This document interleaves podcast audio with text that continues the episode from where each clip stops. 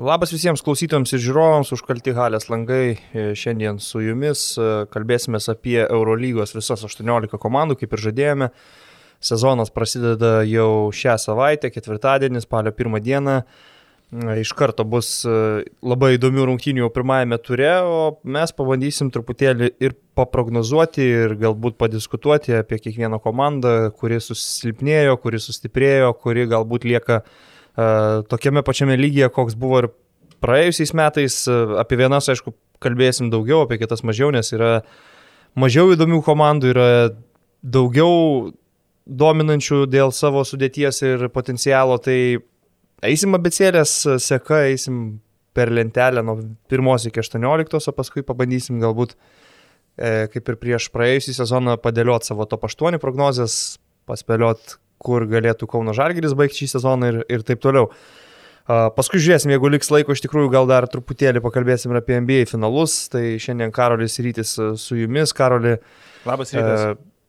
Kiek ruošiaisi apie Eurolygos komandas ir, ir apskritai, ar pastebi kažkokią, atsiprašau, bendrą tendenciją, ar tavo manimų komandos sustiprėjo per tą pandeminę rinką, ar sunkiau sekėsi komplektuotis?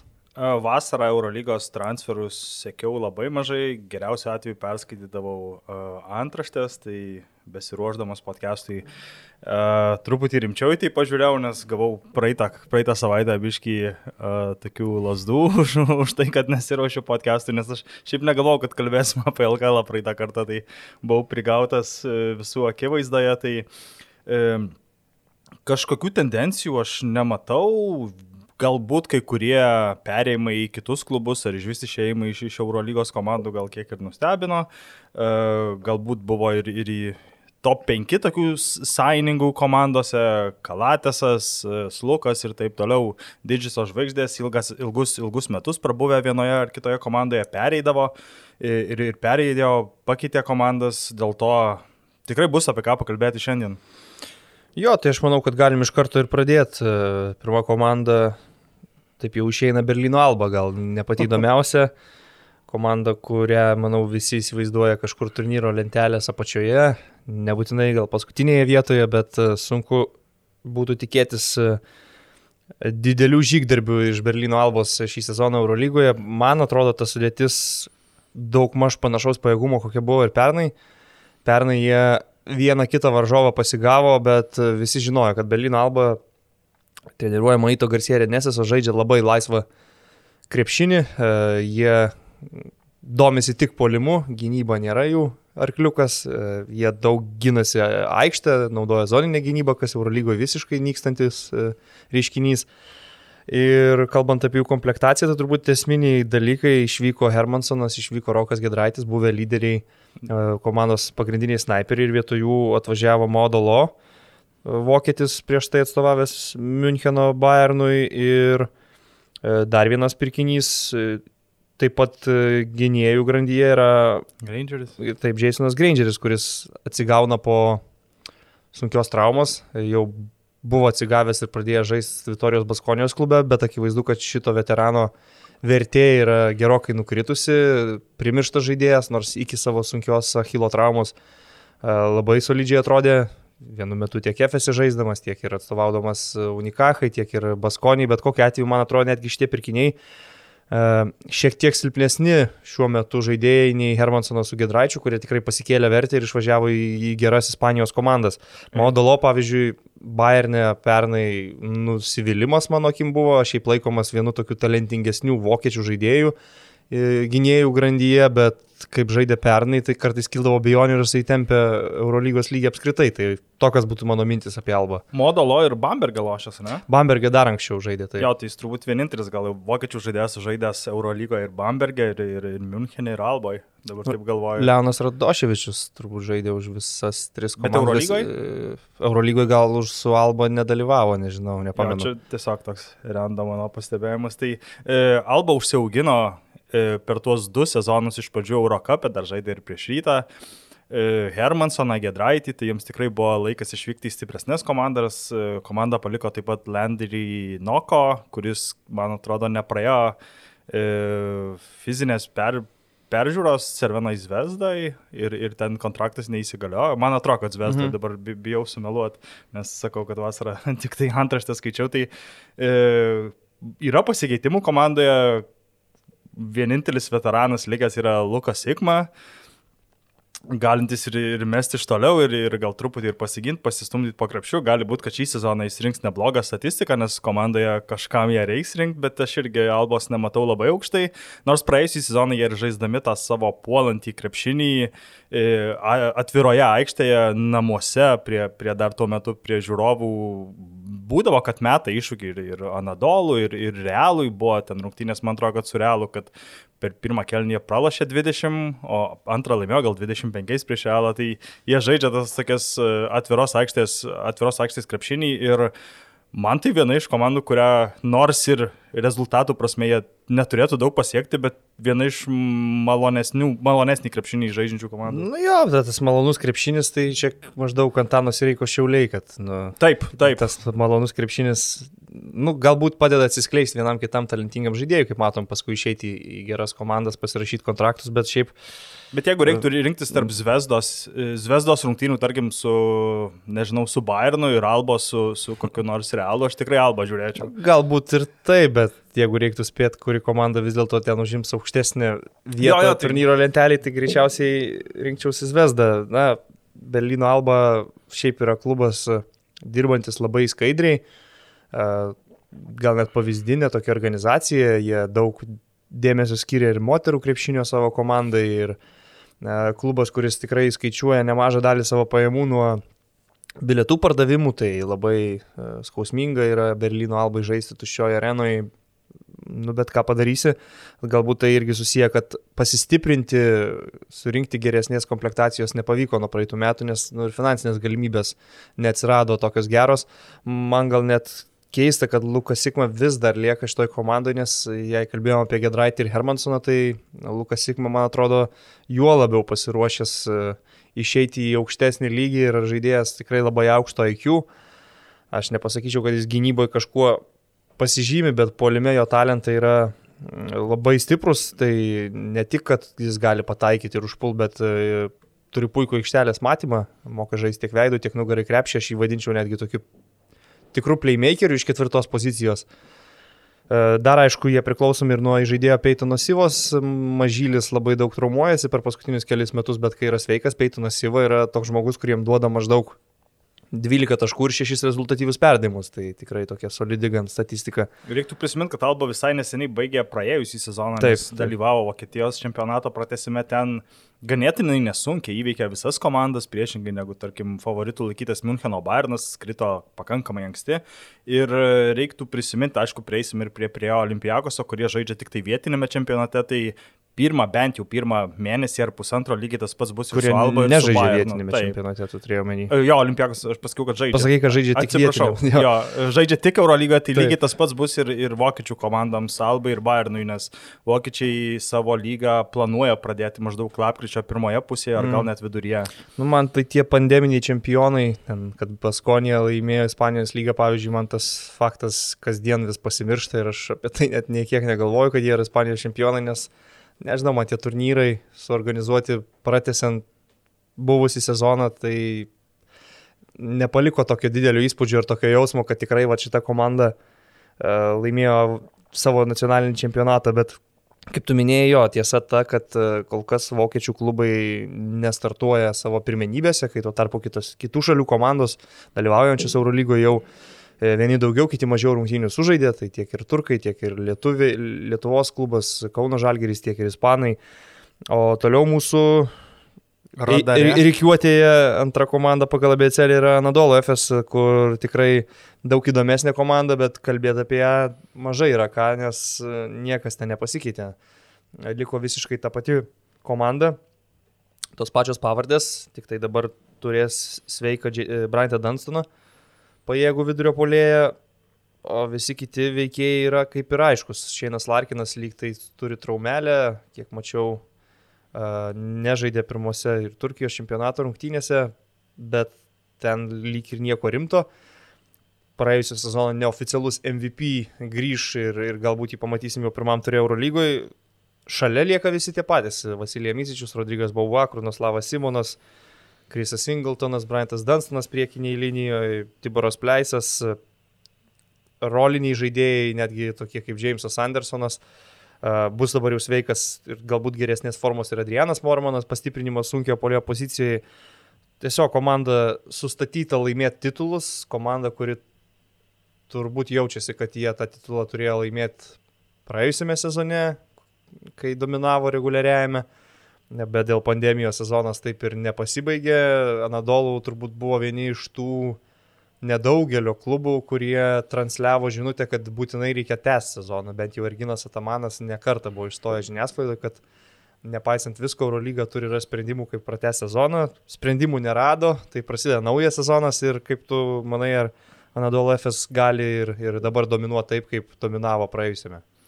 Aš nesu vieningos nuomonės net ir savo viduje dėl Anadolų, kaip ir e, niekas nepasikeitė, tai lyg ir neturėtų būti kažkokių trikdžių komandai vėl viską test, e, tai ką pradėjo e, praėjusį sezoną, kaip ir skai Brianas Dunstonas buvo traumuotas, gale sezono paskutinėse dviejose rungtynėse jis jau žaidė, Dėl to galima e, tik įsitikinti, kokia jėga praėjusią sezoną buvo Nadal, žaisdami be savo turbūt pagrindinio centro polėjo du trečdalius Eurolygos sezono ir vis tiek e, triuškindami visus iš eilės. E, apie Nadal tikrai nėra labai ką pasakyti, jų šūkis turbūt yra tiesiog run it back, dar kartą bandom, praėjusią sezoną kaip gavosi, taip gavosi ir e, jie tikrai jaučia tą nusivylimą likusi iš praėjusią sezono nebaigus čempionato ir, ir netapus ne tik Eurolygos, bet net ir netapus Turkijos čempionais, nors ja. Turkijos čempionatas buvo nutrauktas maždaug mėnesio ar net pusantro mėnesio. Aišku, dėl, dėl to jam vėliau. Gal negu... mažiau skauda, nes jie ir, jo. ir taip vis dar yra Turkijos čempionai nuo 2019 metų. O Eurolygos titulas tai vėlgi, kalbam apie praėjusią sezoną, bet dar galima prisiminti ir nuoskaudą pralaimėto finalo prieš tai. E, Maskvos CSK klubui, tai jau buvo per vieną žingsnelį nuo to titulo, tada dar geresnį sezoną žaidė, bet sezonas nesibaigė ir atrodo, kad niekaip nesiseka Nadal FS iš, iškovotą geidžiamą trofėjų, aš tai neturiu jokių priežasčių galvot, kad jiems bus kažkas kitaip, aš manau, kad jie, na, nėra turbūt taip svarbu, ar ten pirmie ir antri liktų reguliariam sezonė, bet aš manau, kad jie ten bus ir surinks pakankamai pergalių. Uh, Taip pat nėra jokių priežasčių galvoti, kad Šeinas Larkinas nebus toks geras, koks jis buvo. Manau, kad ir toliau matysime didelius skaičius, įspūdingus polimo pasirodymus ir tuo pačiu tai yra komanda, kurioje net jeigu ir nesužaidžia pirma, antra komando žvaigždė, tai yra Larkinas ir Micičius duginėjai, gali rungtynės ištemti Krunaslavas Simonas, pavyzdžiui, paėmęs visą kūrybą ant savęs labai imponuoja man iš tikrųjų šis žaidėjas, jis kaip ir trečioje pozicijoje žaidžia, bet iš esmės turi tuos žaidėjo įgūdžius. Gali jie kartais laimėti ir gynybinėse rungtynėse, nes yra pakankamai gerai pasiruošę ir, ir gintis su tokiais e, galingai žaidėjais priekinėje linijoje, pavyzdžiui, kaip Krisas Singletonas, visiškas universalas, arba tas pats Briantas Dansonas, sugrįžtantis vienas geresnių tokių baudos aikštelės saugotojų visoje Eurolygoje. Tai sakau, kai komanda yra pasiruošusi taip gerai skirtingiems scenarijams, Mm, sunku man tikėtis, kad jie kažkodėl turėtų kristi duobę, išgyventi pralaimėjimų serijas ir panašiai. Tai manau, kad vienareikšmiškai jie bus tarp pirmų trijų pozicijų, sakykim, taip, reguliariam sezonė. O toliau yra komanda, kuri jau skambėjo mūsų podcast'e keletą kartų ir mes tas pavardės aptarėm ir, ir komplektacijos pokyčius, tai gal siūlau labai stipriai tiesiog nesikartot, bet paminėkime, kad Milano Armani uh, į šį sezoną ateina su didžiulėmis ambicijomis, su naujom pavardėm. Turbūt viena aktyviausių komandų buvo pandeminiai perėjimų rinkoje. Vieni pirmųjų pradėjo pasirašinėti kontraktus, kol dar kiti klubo vadovai kalbėjo, kad nežinom, koks bus biudžetas, kol kas negalim nieko sauliais, laukiam. Tai tuo metu jie jau skelbė Kailą Hansą, jau skelbė Malcolmą Delainį, Zeką Ledėjų ir taip toliau ir susikomplektavo tokią komandą, kuri taikosi be abejo į finalo ketvirtą. Mūsų, kaip suprantu, iš praeitų podcastų nuomonės gan panašios, kad Milanas tikrai bus daug geresnis nei praėjusiam sezone, tikrai grįž italų klubas į playoffus, bet finalo ketvirtas slidus reikalas ir ten patekt, patekt norint reikėtų ketvirtfinalės ir vis tiek nugalėti labai kažką iš rimtų varžovų. Nebent labai gerai sužaisti tai reguliariai. Aš, aš vat, gal taip ir norėjau pasukti klausimą, ar tu manai, kad Milanas e, pajėgus užimti vieną iš pirmų keturių vietų reguliariam sezone. E, klausimas, kurią būtent vietą. E, jeigu tu užimi ketvirtą arba trečią vietą, tai tu vis tiek gauni pakankamai rimtą varžovą, nesvarbu, ar ten bus ar CSK, ar Barcelona, ar, ar, ar gal net ir Makabis, bet jeigu tu užimi, man, mano nuomonė, penk, e, pirmą arba antrą vietą reguliariam sezonui, tada tu gauni saliginai lengvesnį varžovą ir gauni, aišku, aikštės pranašumą, kas turėtų būti labai svarbus faktorius e, būtent dabar. O kalbant dar apie Milaną, nors ir e, sakėm, kad ilgai ne, ne, neužsikalbėsim, tai jie sezoną pradėjo iš vis rūpiučio 20, uždė pirmas draugiškas rungtynės, dažaidė Italijos super taurėje, turnyrė Kaune, tada vėl grįžo į super taurę, dabar jau pradėjo ir Italijos čempionatą, dar nepralaimėjo nei vienų rungtynių, e, laimėjo apie, apie 10 ar 12 rungtynių iš eilės ir klausimas, ar jie sezono metu neišsikvėps. Oi, ne, tikrai neišsikvėps. Nu, kur tau su tokia sudėtim, su tokiu giliu sudėties galima išsikvėpti. Man atrodo, jie komplektuojasi vos ne tokiu modeliu kaip Madrido Realas, kad treneris gali dalinti visiems po 20 minučių. Tai, ne, nu, ta prasme, kodėl jie turėtų išsikvėpti Eurolygą, ne NBA, kur reikia žaisti tam back to back. Pavargs nuo pergalių, nežinau. Nuo pergalių, buvę... nuo pergalių pavarg galima, bet nežinau, ar Milano klubas tiek išlepintas pergalių pastaraisiais metais, kad... Tai ne istoriškai, tiesiog per vieną sezoną yra buvę, e, jeigu neklystu, aišku, čia tiesiog e, palyginimas 2013-2014, jeigu neklystu, Madrido Realas buvo laimėjęs gal apie 35 ar net 40 rungtynių iš eilės, skaičiuojant ir vietinę lygą, ir Euro lygoje, ir vėliau vis tiek sudegė finale ir, ir nelaimėjo Euro lygos. Aišku, ne, nu, patekimas į finalą sudėk, tai e, Milanui būtų didelis pasiekimas, tai, sutinku, bet man, man asmeniškai tos pergalių serijos vien pradedant sezoną ne visada labai patinka. Nu, finale sudegti čia bet kokia komanda gali, kad ir kaip jinai žaidė iki, iki tol, tai čia aš to sudegimų niekaip nevadinčiau. Sudegimas man būtų geras, reguliarus ir pralaimėtas e, ketvirtfinalis, tai čia aš galėčiau tada sutikti, bet nu, man tas nuovargio faktorius tai neegzistuojantis yra, kalbant apie tokias komandas su 12 žaidėjų rosterių ir, ir kalbant apie Eurolygą, kur nu, nėra tas kalendorius toks jau intensyvus ir Italijos čempionate vis tiek ten visi moraskiniai ir bilygos daugiau žaidžia, tai aš net neieškočiau tame jokios problemos, man klausimas labiau tiesiog kaip jie suklikins visi kartu, e, kaip jiems pavyks žaisti su tom jau elitiniam komandom, su kuriomis jie ir konkuruos tiesiogiai dėl aukštesnių, geresnių pozicijų. Tai, nu, bet kokia atveju man Milanas atrodo tokia penkta komanda šalia finalo ketvirto. Mes kai spėliom tas finalo ketvirto komandas, kaip ir sutapo prognozijas, Milanas, man atrodo, šalia to brūkšnio. E, ir sakau, tik tai pasižiūrėsime, kaip ten seksis jiems visiems kartu susižaisti. Pirmi tie įspūdžiai geri, bet vėlgi įspūdžiai iš ten iki sezoninių rungtynių irgi gali būti apgaulingi.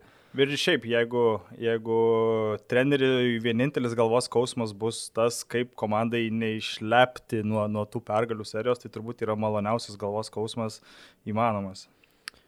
Tai žinai, ir su tom pergalių serijom, nu, ten Anadolefės gal dabar išskirtinė komanda, kur fiksavo jau tokią pergalių serija, kur istoriškai atrodo sunkiai įgyvendinama, bet uh, normalu yra per reguliarų į sezoną, kad ir labai gerą komandą, tarkim, kažkuriuo metu suklumpa žaidžiant su Zvezda, su Asveliu ar, ar, ar su Bayernu Alba ir nieks to, nuo to per nelik daug nepasikeičia. Tai tiesiog faktas, kad reguliariojo sezono reikšmė galbūt šiek tiek išaugusi, nes mes turim pavyzdžių, nes neseniai E, gan šviežių, kai Realas laimėjo Eurolygą iš penktos vietos, Feneris laimėjo Eurolygą iš penktos vietos. Dabar aš sakyčiau, galbūt e, tas elitas toks e, stipresnis ir platesnis, kad reguliariajame sezone jau būtų svarbiau išsikovoti aukštesnę poziciją, nors vėlgi nežinom, kaip klostysi sezonas, nežinom, kiek tie namų aikštelės faktoriai bus reikšmingi ir kiek, Kalbama, kiek ilgai jie egzistuos, jo. bet mes čia taip jau kalbam apie tą tobulą scenarijų, kad viskas vyksta uh, namai išvyka kaip ir planuojama ir galbūt kažkurio metu netgi žiūrovai grįžta į arenas. Tai pusė arenų ir taip bus žiūrovai, įskaičiuojant Kauną. Bet pusė tai ne visos ir žiūrovų bus ten tiek saujelė, e, labai ribotas skaičius. Gerai, tada turim komandą, kuri šiaip labai priklausoma nuo savo žiūrovų ir turbūt didelė dalimi per sezoną favoritą vieną kitą pasiguldo vien jau dėl savo atmosferos arenui ir be tos atmosferos aš sunkiai patikėčiau, ar gali Belgradas ir Vienas Vesda labai daug susirinkti pergalių žaidžiant su Eurolygos geriausiam komandom. Jo labiau biudžetas jų dar susitraukė, komplektacija atrodo labai kukliai. gan aiškus yra numatytas lyderis toj komandai, Jordanas Lloydas, amerikietis atvykęs iš, iš Valencijos. Valencijos. Sašo Bradovičius treniruos, bet visa kita aplinkų Jordaną Lloydą, dar keli amerikiečiai legionieriai, Lankstonas Holas, Torianas Valdinas ir toliau net tikrai ne pačios garsiausios serbų pavardės žaidėjai, kurie kaip ir žinomi, bet tokie gan vidutinio pajėgumo. Ir kaip tu manai, ar Cirvenas Vesda gali sukombinuoti kažkokį tai gynybinį krepšinį, kad būtų konkurencingi Eurolygoje, nes akivaizdu, kad talentų jie bus prie pačios. Aš dar gal grįžčiau prie žiūrovų klausimo. Man atrodo, kad net ir žaidžiant Belgrade, kur visi žino, kokia ten yra atmosfera rungtynių metu, man atrodo, žaid... varžovams e, atvykusiems iš, iš, iš kitur, žaidžiant Belgrade, vis tiek yra smagiau žaisti su žiūrovais, net ir toje baugioje atmosferoje, negu žaisti tuščioje salėje, nes, na, nu, galbūt aš klystu, bet man tai atrodo, kad profesionaliam krepšininkui žaisti tuščioje salėje nieko negali būti blogiau už tai. Ir uh, įmetus tritaškį pilnoje salėje, vienu rankos judesiu nutildyti 15-20 tūkstančių fanų, man atrodo, negali būti didžia, didesnio kaifo, dėl to e, aš manau, kad e, Zvezdos komplektacija yra tai, kas jiems trukdys, turbūt vis tiek tai yra susijęs su nedideliu biudžetu, gal net mažiausiu arba vienu mažiausiu lygoje. E, tai būtent tai jiems trukdys, o ne, o, ne, dėl, o ne tai, kad žiūrovų nebus salėje. Nu, galbūt sutikčiau, kad patinka profesionalų žaistoje atmosferoje, bet e, laimėti yra sunkiau žymiai nei, nei tuščioje salėje. Ta prasme, aš manau, kad žymiai sunkiau yra laimėti, kai ant tavęs šaukia baubė, dar rūko arenoje. Ir, ir visi kiti dalykai. Man atrodo, kad tai vis tiek gale susideda, tai gale rungtynių labiausiai pradeda reikšti, kai reikia mesti lemiamus metimus, lemiamas baudas, tada tai tikrai reiškia, bet pirmas 37 minutės, man atrodo, mm. vis tiek yra smagiau žaisti su žiūrovais. Aišku, mes abu tik spėliojame. Aš sakau, smagiau, bet sunkiau. Tai e, vien, viens kitam šitie du dalykai netrukdo. Be abejo, kad yra daugiau adrenalino ir visa kita, bet žymiai lengviau yra išeiti prie tuščių kėdžių ir būnant geresnių krepšininkų laimėti prieš blogesnį krepšininką, man tai atrodo. Ir tikrai, nu, tos pergalės, kurias jau užfiksuodavo ir praeitam sezonė jų buvo nam, būtent namuose, nu, tai namų komanda yra priežastis, kodėl jinai būna namų komanda. Man keista būtų jei vien jau dėl to, kad patogiau jaučia savo salėje, ar, ar kažkam tai sunku buvo atvykti į Belgradą. Tai turbūt tas fanų indėlis yra reikšmingas, aš taip, bent jau aš taip manau. Uh, toliau komanda, kurioje fanų indėlis tikrai nėra reikšmingas ir, ir ten ta namų aikštelė mažai ką reiškia. Nebent žaidžia Kaliningradą. Bet Kaliningradą irgi viena pergalė, vienas pralaimėjimas. Nėra, kad ten labai gerai pasirodė per tą eksperimentinį burbulą Kaliningrade. Tai yra Maskvos SK klubas, kuris kasmet taikosi laimėti titulus, abu, aišku, ir vieningą lygą, ir Eurolygą, klubas, kuris įprastai žaidžia finalo ketvirtuose. Ir klubas, kuris, manau, kad rinkoje visai neblogai padirbėjo, jie atsisveikino su Kailu Heinzu, savo buvusiu kapitonu, ja, tačiau pasipildė priekinėje linijoje Nikola Milutinovu, Tornikė Šengelėje, turbūt pajėgiausiais pastaruoju metu europiečiais savo pozicijose, tai yra iš tų visų klasikinių centrų, tą, ką matom, visas tendencijas, Nikola Milutinovas akivaizdžiai buvo geriausias žaidėjas atstovaudamas prie Olimpiakosui, o Tornikė Šengelėje toks labai ryškus, aiškus, dominuojantis ketvirtas numeris, kur galbūt šiais laikais visi nori ketvirto numerio labiau, kuris gali ir pataikyti iš tolimų distancijų. Šengelė nepasižymi gerų tritaškių, bet jis pasižymi fizinė jėga, jis pasižymi dominuoja, dominavimu aikštelėje tiesiog jį stabdyti yra žiauriai sudėtinga ir Maskvos SK jau buvo gan ilgą laiką pripratinę, kad jie žaidžia tokį pusiau krepšinį be pozicijų, pas juos e, visi žaidėjai yra panašaus ūgio, gali keistis gynyboje, tai šį kartą truputėlį pakeitė savo komplektaciją, pasipildė va tokiais e, aiškiai išreikštais žaidėjais, ketvirtos, penktos pozicijos. Bet šalia toliau turi Maiką Džeimsą, kuris, aišku, bus polimo lyderis ir turi pasveikusi po traumos Vila Klaibarną, tai su tais visais komponentais Maskvos SK gana aiški finalo ketvirto komanda, turbūt sunku būtų kažkaip kitaip galvoti. Jo, tai ir, ir, ir CSK tikrai visada kiekvieną sezoną meta didžiulius išteklius prisivilioti brangiausius žaidėjus, akivaizdu, kad tiems žaidėjams ir permoka vien dėl to, kad jie atvyktų į Maskvą, nes retas užsienietis norėtų gyventi Rusijoje. E, tikrai prisiviliojo pačius geriausius žaidėjus, dabar turi lygę septynių, gal net aštuonių žaidėjų rotaciją Eurolygoje. VTB šį savaitgalį pralaimėjo Permiai, bet vėlgi ten pirmavo 20 taškų ir, ir čia toks pralaimėjimas, kurį turbūt pamirš po poros pergalių Eurolygoje. Eilinį sezoną turbūt Dimitris Itudis bandys motivuoti komandą, nes CSK irgi kartais turėdavo problemų ir su motivacija, jie ten pralaimėdavo tokias e, galbūt ir ne per daug reikšmingas reguliariojo sezono rungtynės Eurolygoje, buvo ir pralaimėjimas ten Budišnos, gal čia nepraėjusi, užpraėjusi už sezoną. sezoną praėjusi taip, buvo Budišnos. Taip, taip, taip. Ir e, Tiesiog e, turbūt ir reguliariajame sezone jie jau bandys būti pirmie ar antri, kuo lengviau pasidaryti tą kelią link uh, link finalo ketvirto ir playoffuose, o VTB lygoje jie jau kurį laiką žaidžia pusę jėgos, neregistruoja geriausių žaidėjų. E, jau kelis sezonus turbūt Himki būdavo pirma reguliariojo sezono komanda VTB, o, o ir CSK aišku didelės problemos tame nematė, nes jie vis tiek e, ilgajame laikotarpyje vis tiek tapdavo čempionais.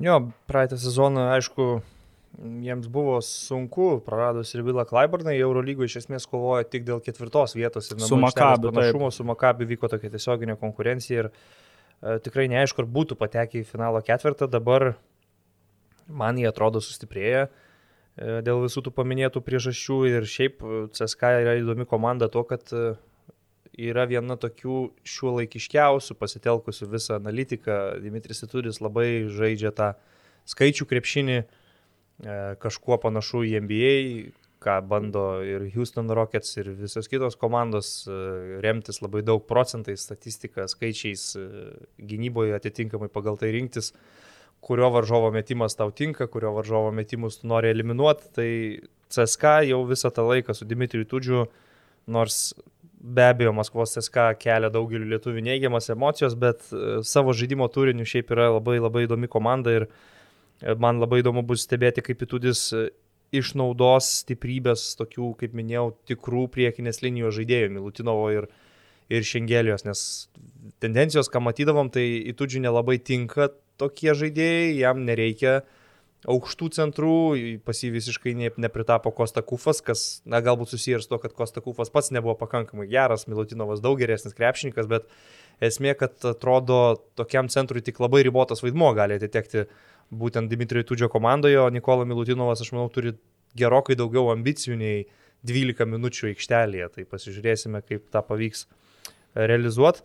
Ir galima žiūrėti, jau bus pirmą savaitę, nors dauguma ir žiūrės Olimpijakos Žalgeris, bet bent jau antrą pusę tarp Barsos ir CSK bus galima įsijungti. Jo, Barsas CSK iš tikrųjų jau pirmo turo pošmena ir kaip tik toliau abecelėje turim Barsą, kurią reikia aptarti. Tai vėlgi kalbėta buvo jau ankstesniuose podcastuose šiek tiek apie jų e, komplektaciją ir progresą. Mano tai mintis pagrindinė tokia, kad e, pirmoji sezono pusėje mes nematysim kažkokios labai įspūdingos barsos ir tai yra normalus procesas, kurį komanda praeina su nauju treneriu, su vienu reikliausių detalių treneriu Šarūnu Jasikevičium. Jisai bando kurti savo e, žaidimą, bando įskiepyta savo idėjas Barcelono žvaigždėms ir na, su Kauno Žalgirio tokia ribota sudėtim tas procesas užtrukdavo ganėtinai ilgai, e, bet aš manau, kad net ir turint daug geresnius krepšininkus, perlaužti juos irgi užtruks. Tai mano tokia prognozija, kad Barça iki naujųjų metų gal ir neatrodys labai galingai, be abejo dėl savo žaidėjų mistriškumo rinks pergalės, bus kažkur pirmam penketukė, bet tikrai jų žaidimą ir potencialą, aš manau, mes pamatysim jau antroji sezono pusėje. Tai Barsa turbūt iš vis yra ta komanda, apie kurią Lietuvoje visi viską žino atmintinai, visas nu, sudėtis, visus rezultatus, kas kiek įmėtė, ką Jasikevičius pasakė per taimautus, tai nelabai yra ką apie juos daugiau pasakyti. Sunku būtų kažką pridėti, tik tai gal tai, kad mano akim vis tiek būtų jiem nepro šalį dar vienas truputį kitokio stiliaus vidurio polėjas. Aišku, Brendonas Deivisas yra puikus, labai gerai tinka žaisti rungtynių pabaigas. E, bet e, Antitomičių išvykus e, gal ir nepakenktų turėti vieną dar centrą, kuris žaidžia nugarai krepšį, kuris, kuris gali pradėti kėlinius, kuris gali būti kaip vat, atsakymas visiems Milutinovam ir panašiai, nes tikrai kitose komandose yra, beveik kiekviena komanda turi bent po vieną tokį klasikinį aukštą centrą virš 2,10 m, tai galbūt Barsai toks pajėgus aukštaugis dar nepatrukdytų, nežinau, kiek jie domisi tokiam galimybėm, faktas, kad ir taip jau išleista nemažai pinigų. Dabar ir Nikola Mirotičius pasirašė naują kontraktą iki 2025 metų. E, komanda lipdoma būtent aplink jį. E, klausimai pagrindiniai turbūt ir dėl įžaidėjo Niko Kalatės, o kiek jisai pritaps, kiek e, pavyks jam efektyviai žaisti. Žinom, kad Panatnaikose buvo jo komanda, ten realiai nuo jo viskas priklausydavo, bet tuo pačiu gan aiškus yra Kalatėso trūkumai, kuriais kitos komandos moka pasinaudoti. Kiek mačiau, Kalatėsą pradžioj sezono Ispanijos lygoje kol kas labai sunkiai atranda jisai save, bet vėlgi žaidėjas įspūdingo IQ su didžiulė patirtim ir turėtų viskas būti su juo gerai. Tai turbūt apie Barsą daugiau net nėra ką pridurti, ar ne? Galim keliauti toliau prie, prie Müncheno Bayerno. Vokietijos komanda pradėjo naują projektą su Andrėja Trinkieri, buvusiu Bambergo Brozė klubo treneriu. Po labai blogų metų buvo Eurolygos dugne, Vokietijos e, čempionate, taip pat ir Vokietijos taurėje, krito labai anksti ir, ir neįgyvenino savo tikslų. Pasikeitė, aišku, ne tik treneris, bet ir nemaža dalis e, žaidėjų. Tavo akim, koks šį sezoną Bayerno potencialas, kur yra jų lubos Eurolygoje, tavo manimu? Abu vokiečių klubai atrodo ganėtinai panašaus lygio. Net nežinau, ar, ar Bayerną, ar Alba sakyčiau, kad yra e, favoritai žaidžiant tarpusavėje, galbūt Bayernas šiek tiek. E, liko Dėdovičius, liko, liko Cipseris, į Maskvos Himki iškeliavo Gregas Monro. E, pasipildė. Tas yra labai gerai, aš manau, Bayernui, kad jo, jis keliavo Gregas Monro. Nors įrinkdavo tą savo 12 gal taškų ir kokių ten 6 kamuolių. Ir 6 maždaug. Jo, tai va iš galvos. Visiškai feikinė statistika, vienas baisiausių žaidėjų gynyboje, kokius mačiau per praeitą sezoną, Tai labai gerai Bayernui, kad jo neliko ir vietoj jo ateina Malcolmas Tomas su Dželinu Reynoldsu. Tai čia yra puikus šio laikiškos priekinės linijos variantai, mano akimis. Jie gerokai turėtų būti stipresni visų pirma gynyboje su tokiais pirkiniais. Ir, aišku, iškeliavo Modolo, jau kalbėjom. E, Lučičius dar liko, nepaminėjai. Taip, taip, taip. Labai patobulėjęs arbas. Jis jau kokius gal tre, trečią ar ketvirtą sezoną Bayernė Jo ir pernai pagal skaičius buvo geriausi jo metai per visą karjerą, žiūrint ir į tritaškių pataikymą, ir į taškų vidurkį, ir į daugelį kitų parametrų, kad ir komanda žaidė blogai, bet asmeniškai Lučičius sužaidė geriausią sezoną. Malcolm Thomas atėjo iš, iš Maskvos Himky. Nu, jis Fenerija buvo laikinai, turėjo laikiną kontraktą Fenerija, bet ten dėl traumų situacijos tiesiog buvo pasikviestas, o šiaip geriausius jo laikus tai tikrai prisimenu iš, iš Himky komandos tada lieka Leonas Radoševičius ir tai irgi yra tokia komanda, kuri turbūt e, net nesvajoja apie top 8 ir labiau bandys, turbūt kaip ir vėliau prieisim prie Žalgerio, tiesiog iškovoti kuo daugiau pergalių ir žaidėjai bandys tiesiog pasirodyti Eurolygos rinkoje. Ir jiem tai toks lūžio sezonas, aš manau, kad jie su Trinkieri planuoja savo ilgalaikę perspektyvą ir pirmi metai, kai norisi tiesiog progreso, norisi žingsnių į priekį ir dalį žaidėjų tu jau pavinėjai, bet dar ir tai ne visi, nes pokyčių tikrai labai daug. J. Joanas Johnsonas, stebėjau kontrolinės rungtynės, labai gerai atrodė toks e, ketvirtos, penktos pozicijos žmogus, kuris praplečia aikštelę, gali pataikyti iš toli, šiek tiek aš jį atsimenu net ir iš NBA. Jis ten mažai žaidė, bet e, turėjo savo, savo minučių. Neblogai žaidė jisai anksčiau Darušafakos klube, kai jį treniravo Davidas Blatas ir jie laimėjo Eurocapą. Uh, Man klausimas labiausiai yra dėl įžaidėjų, nes man labai trūksta šitoj komplektacijai tikro atako organizatoriaus, nes kol kas atrodo planuoja trinkieri į žaidėjo poziciją naudoti tokius grinai kombo gynėjus, kurie labiau galbūt susikoncentravę į krepšį, o ne į žaidimo organizavimą. Tai yra Vaidas Bolvinas, praėjusią sezoną praleidęs Olimpiakoso komandai ir antroji sezono pusėje beje prasimušęs šiek tiek ir pademonstravo, kad visai gali žaisti europietiškam krepšinėje. Taip pat Nikas Waileris Babas, kur irgi yra daugiau toks metikas daryti taškus, bet ne žaidimo organizatorius. Tomasas Brėjus dar vienas variantas, bet irgi žaidėjas, kiek aš jį esu matęs, labiau pats ieško galimybių užpultniai įtraukti komandos draugus, tai pasigendu tikrai tokio grino pirmo numerio žaidėjo, kuris galėtų vadovauti polimui. E, turi jie ir jaunų krepšininkų, kaip Žanas Šiško, įgavo savo šansą per iki sezoninį turnyrą Valencijai. Čia man pagrindinis jų trūkumas, bet bendrai paėmus, kai tu iškėlė tą klausimą Alba ar Bayernas, man Bayernas šiaip atrodo geresnė komanda ir aš manau, kad jie sugebės daugiau pasiekti Eurolygoje. Uh, keliaujamų dabar gal baigia FC Barsą ir FC Bayerno. Jo, dabar jau prie, prie tikrų F raidės klubų. jo, jo, Perinam, tai yra, yra Fenerbahčia.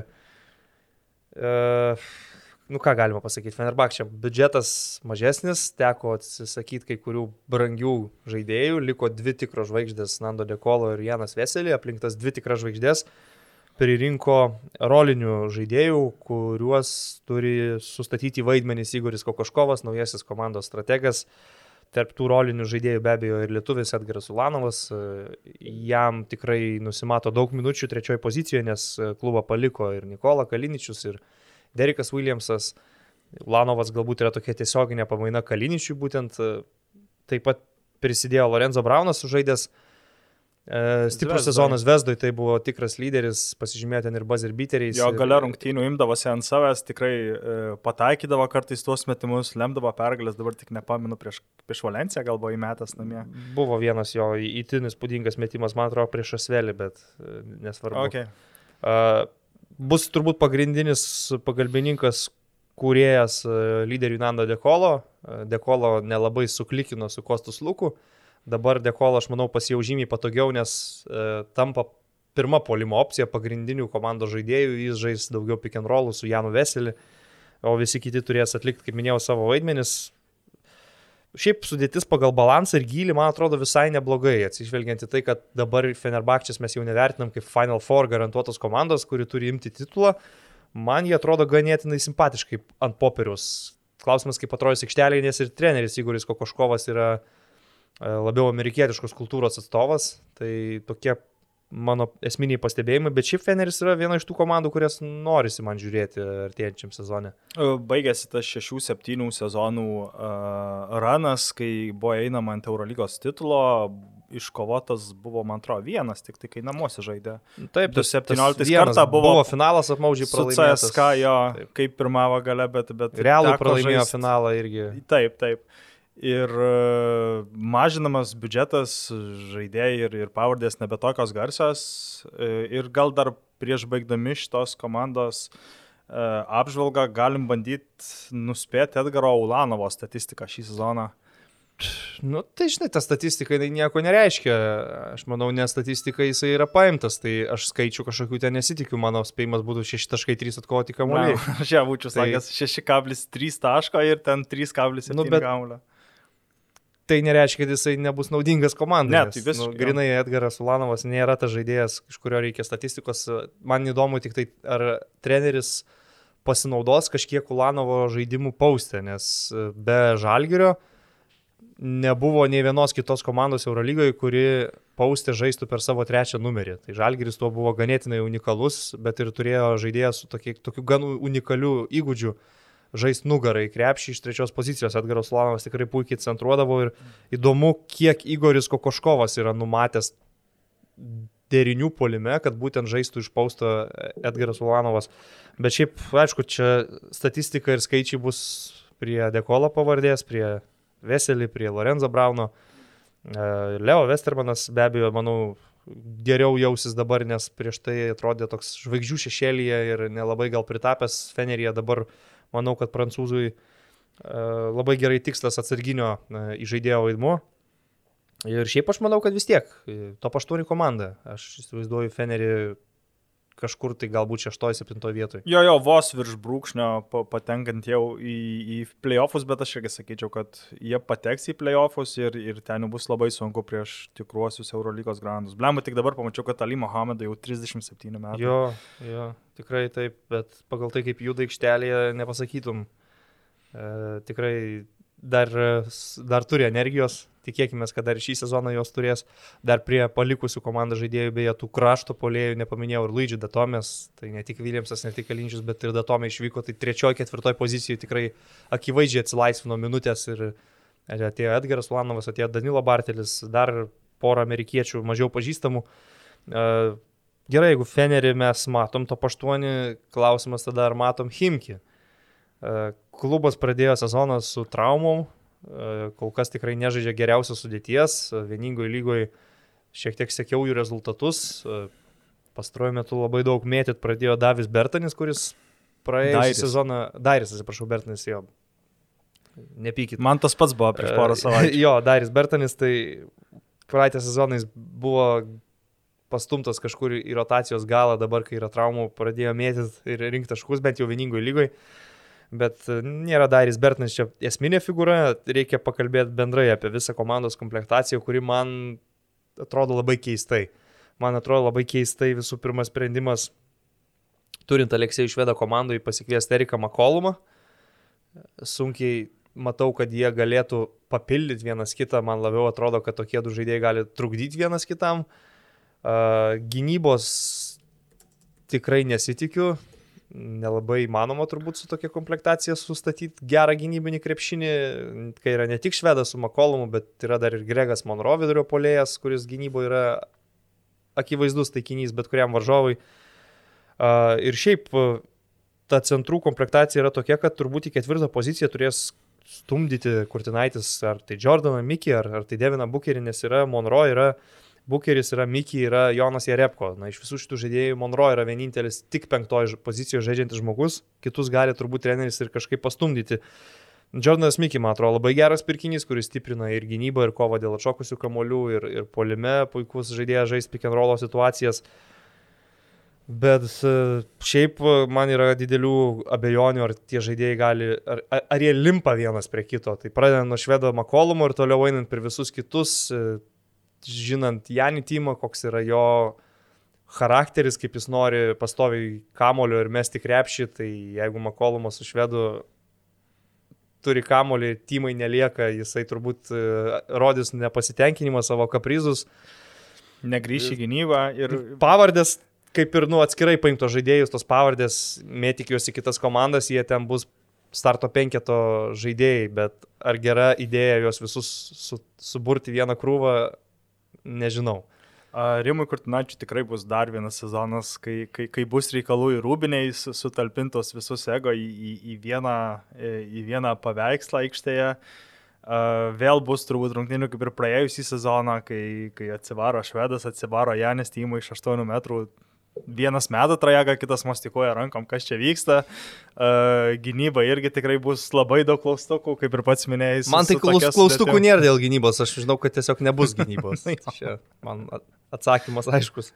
Uh, ant Stefano Jovičiaus turbūt varžovai eilinį kartą rizikuos ir, ir, ir galbūt nusvils, kaip praėjusį sezoną atrodo Kauno Žalgeris išvykoje, galbūt ne, bet tikrai tokia komanda, kuri geriausiu atveju turbūt galėtų patekti į top 8 ir gal net būti koks šeštas įdas iškart po tų visų elitinių komandų, bet blogiausiu atveju jie lygiai taip pat gali likti turbūt 13. Nu, viena talentingiausių Eurolygos komandų, kaip sakiau, vertinant žaidėjus atskirai ir jų meistriškumą, bet tuo pačiu viena neracionaliausių, gal aš taip pasakyčiau. E, galbūt su tuo talentu jie ir nuvažiuos į aštuntuką, nežinau, aš taip neprognozuočiau. Man atrodo, kad per daug e, didelė prabanga bandyti visą sezoną gynybos trūkumus padengti vien talentu, vien tolimais metimais ir, ir ten Aleksėjų Švedo ar Eriko Makolumo sugebėjimai žaisti vienas prieš vieną ir priimti sprendimus su kamoliu. E, šiaip įdomu būtų, aš kalbėjau kitam podcast'e, kad e, dabar kaip populiaru yra bent jau su futbolo komandom kurtų dokumentikas. Mhm filmuoti jų sezoną iš vidaus, iš Rūbinės, tai Himki turbūt būtų įdomiausia komanda filmuoti visus metus Rūbinę, e, sekti tą virtuvę klubo žaidėjus ir, ir paskui parodyti žmonėm, kaip, kaip, kaip gyvena Himkai, nes, nublemba, tokie žmonės, tokios pavardės, tokie visi atrodo labai skirtingi, labai su didelėm ambicijom, vienas kitam gal net trukdantys žaidėjai, Rimui Kurtinaičiui tą suvaldyti chaosą bus reikalų. Jo tikrai Bet įdomu tu... būtų pamatyti tą dokumentiką, nes jeigu kalbam, kad CSK permoka žaidėjim, kad jie važiuotų į Maskvą gyventi, tai jie, čia žaidėjai net gyvena arba Maskvoje, arba Maskvos, priemėsi. Maskvoje gyvena, jie negyvena ten prie mytyšių nes ten kas ten gariūnai. Tai ten jie tikrai negyvena, jie gyvena Maskvoje. Ir turbūt ten tiem legionieriam Bukeriui, Mikiai, Gregui, Monromo, Kolomui ir taip toliau ten turėtų būti. Nu, jie netaip turbūt įsivaizdavo. Kolomas iš Kazanės atvažiuoja, tai žinai. Tai jo, taip, jis, jis, jis turi jam kažkoks kultūrinis šokas. E, aš net sakau, net netai sureikšminčiau, bet grinai tų žaidėjų ambicijas asmeninės Nes, nu, norint pasiekti rezultatų, reikia komandinės vieningos tokios ambicijos. O čia aš matau gal daug žaidėjų, kurie daugiau galvoja apie save asmeniškai. Tai... Čia tiesiog ta komanda, kurią jeigu lažinčiausi, tai niekada nedėčiau į tapetą už Himki, kad ir prieš ką jie žaidžia. Nes easy gali sudeginti. Man, man baisiausias pirkinys yra Gregas Monro, ta prasme, Rimas Kurtlaitis, aš suprantu jo argumentus, sako, kad geriausiai paustė žaidžiantis klasikinis centras. Taip, jis gerai žaidžia nugarą, turi įgūdžių, e, gerai nusimetinėja kamolius, atlieka po tris rezultatyvius perdavimus. Nu, bet jau iki tiek jisai gynyboje nedalyvauja, kad e, man atrodo, turint Jordaną Mikį, Deviną Bukerį, žiūrint dar į praėjusią sezoną, buvo puikus atletiškas amerikietis Jeremy Evansas, buvo Anthony Gilas, daug geresni variantai, man atrodo.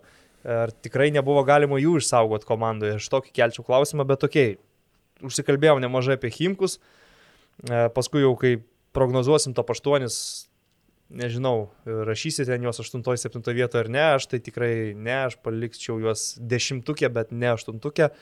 O toliau mes turim Asvelį, mm, komanda, kuri patenka tarptų mano nuomonė sustiprėjusių per tarp sezonį. Tikrai Asvelis padarė išvados po praėjusio sezono, kuomet komandai labai trūko metikų, buvo viena blogiausiai tritaškius pataikančių komandų, galbūt tokia šiek tiek per sunki, per aukšta, per lieta komanda.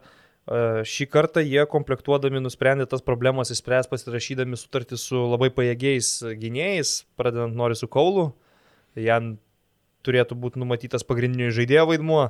Taip pat Alerikas Freemanas, stebėjau šį krepšininką per iki sezoninės rungtynės, tai turi gerą metimą, turi gerą driblingą, irgi pajėgus vienas prieš vieną.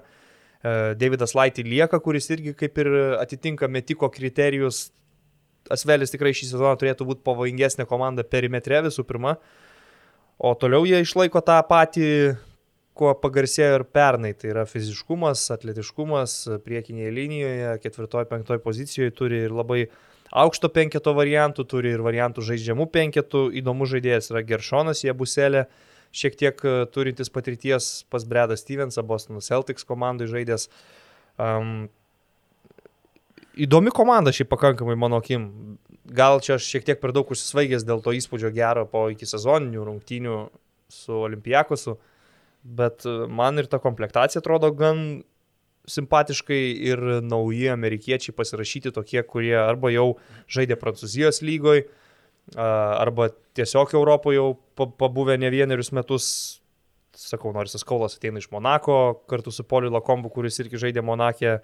Williamas Howardas irgi jau yra žaidęs Prancūzijoje, tai galbūt tas vėlis eina tuo panašiu keliu, kaip eina, tarkim, Bayernas, kur pasirašinėja legionierius, kurie jau Vokietijoje žaisdavo iki tol. Tai e, Tony Parkeris tikrai, man atrodo, padirbėjo neblogai ir dar nepamirškim, kad ir treniruos komanda. TJ Parkeris, jo brolis, tai turbūt bus daug tokio amerikietiško krepšinio ir galbūt amerikietiškos kultūros apskritai net nevertinant žaidimo turinio, nes tarkim Masvelis įsiskyrė tuo, kad jie NBA, uh, e, NBA keliu eidami užsirašinėjo tą socialinę žinutę ant marškinėlių, ko kitos Eurolygos komandos nedaro. Tai sakau, Vilirmanas Velis turbūt bando tos NBA kultūros šiek tiek atnešti į, į Europą. Ir praėjusią sezoną NBA ir žaidė būtent Prancūzijoje tas savo vienintelės reguliariojo sezono rungtynės, tik gal Paryžiui, man atrodo, ne, nes Velis čia tiesiog random pastebėjimas. Uh, Praėjusią sezoną Svelis pradėjo labai gerai, labai gerai gynė savo, savo namų aikštę, iš pradžių kirto Olimpijakose, tada po savaitės Pantinaikose, tada ir CSK nukirto, per pirmos aštuonias rungtynės laimėjo penkis kartus ir galbūt kažkam jau buvo susidaręs įspūdis, kad čia galbūt tas juodasis arkliukas, kuris e, bandys eiti į top 8, vėliau aišku, tas e, tikrasis jų lygis pasimatė, kaip ir pats sakei, prisiviliojo Monako žaidėjus, Monakas pernai su Asveliu buvo e, turbūt top 2 prancūzijos komandos. Monakas labai gerai atrodė ir Eurocapė, buvo vieni favoritų laimėti turnyrą. Sezonas nutrauktas buvo ir Prancūzijoje, ir kaip žinome, ir Eurocapė, ir Eurolygoje. Viskas baigėsi taip, kaip baigėsi, bet man irgi atrodo, kad e, Asvelis bus ta komandų, kurie ypač, ypač išvykoje bus labai sunkiai įveikiami ir e, prieš juos reiks sužaisti geras rungtynės, gerai pataikant jų dėmesys praėjusią sezoną, ypač namuose būdavo skiriamas gynybai, būdavo tokios klampios rungtynės, kur į metų 70 taškų išvykoje jau gali tikėtis pergalės ir nors į top 8 komandą turbūt net ir, ir neplanuoja patekti, bandys eilinė, eilinė ekipa, kuri bandys surinkti kuo daugiau pergalių, bet aš juos įsivaizduoju maždaug gal net pa, pa, pakylant iki 12 Euro lygoje. Maždaug ten aš irgi juos matyčiau, aš galvoju, kad tas gynybinis krepšinis niekur nedings, bet jie prie to gynybinio krepšinio šį kartą prideda daugiau talento. Pernai ir prašovė su kai kuriais pirkiniais, ten Edvinas Džeksonas nepateisino lūkesčių, paskui ir su treneriu buvo konfliktai, kiti kai kurie žaidėjai nuvylė, buvo ir atsiskleidusių, tarkim, Tonija Džekiry, pasikėlė vertį, išvažiavo į Vitorijos Baskoniją. Dar prancūzų klubai visada įdomus to, kad ten bet kurį sezoną žiūrėdamas rasi būsimą NBA naujokų biržos e, prospektą. Tai Teo Moledonas buvo toks praeitam sezonė, dabar yra Matijus Trazelis irgi jaunas gynėjas. Kurio, jau pernai žaidęs. E, jis jau pernai taip debitavo, šiek tiek žaidė, šį sezoną galbūt jam numatytas dar didesnis vaidmuo ir jo pavardė irgi mėtosi visose NBA draftų prognozėse.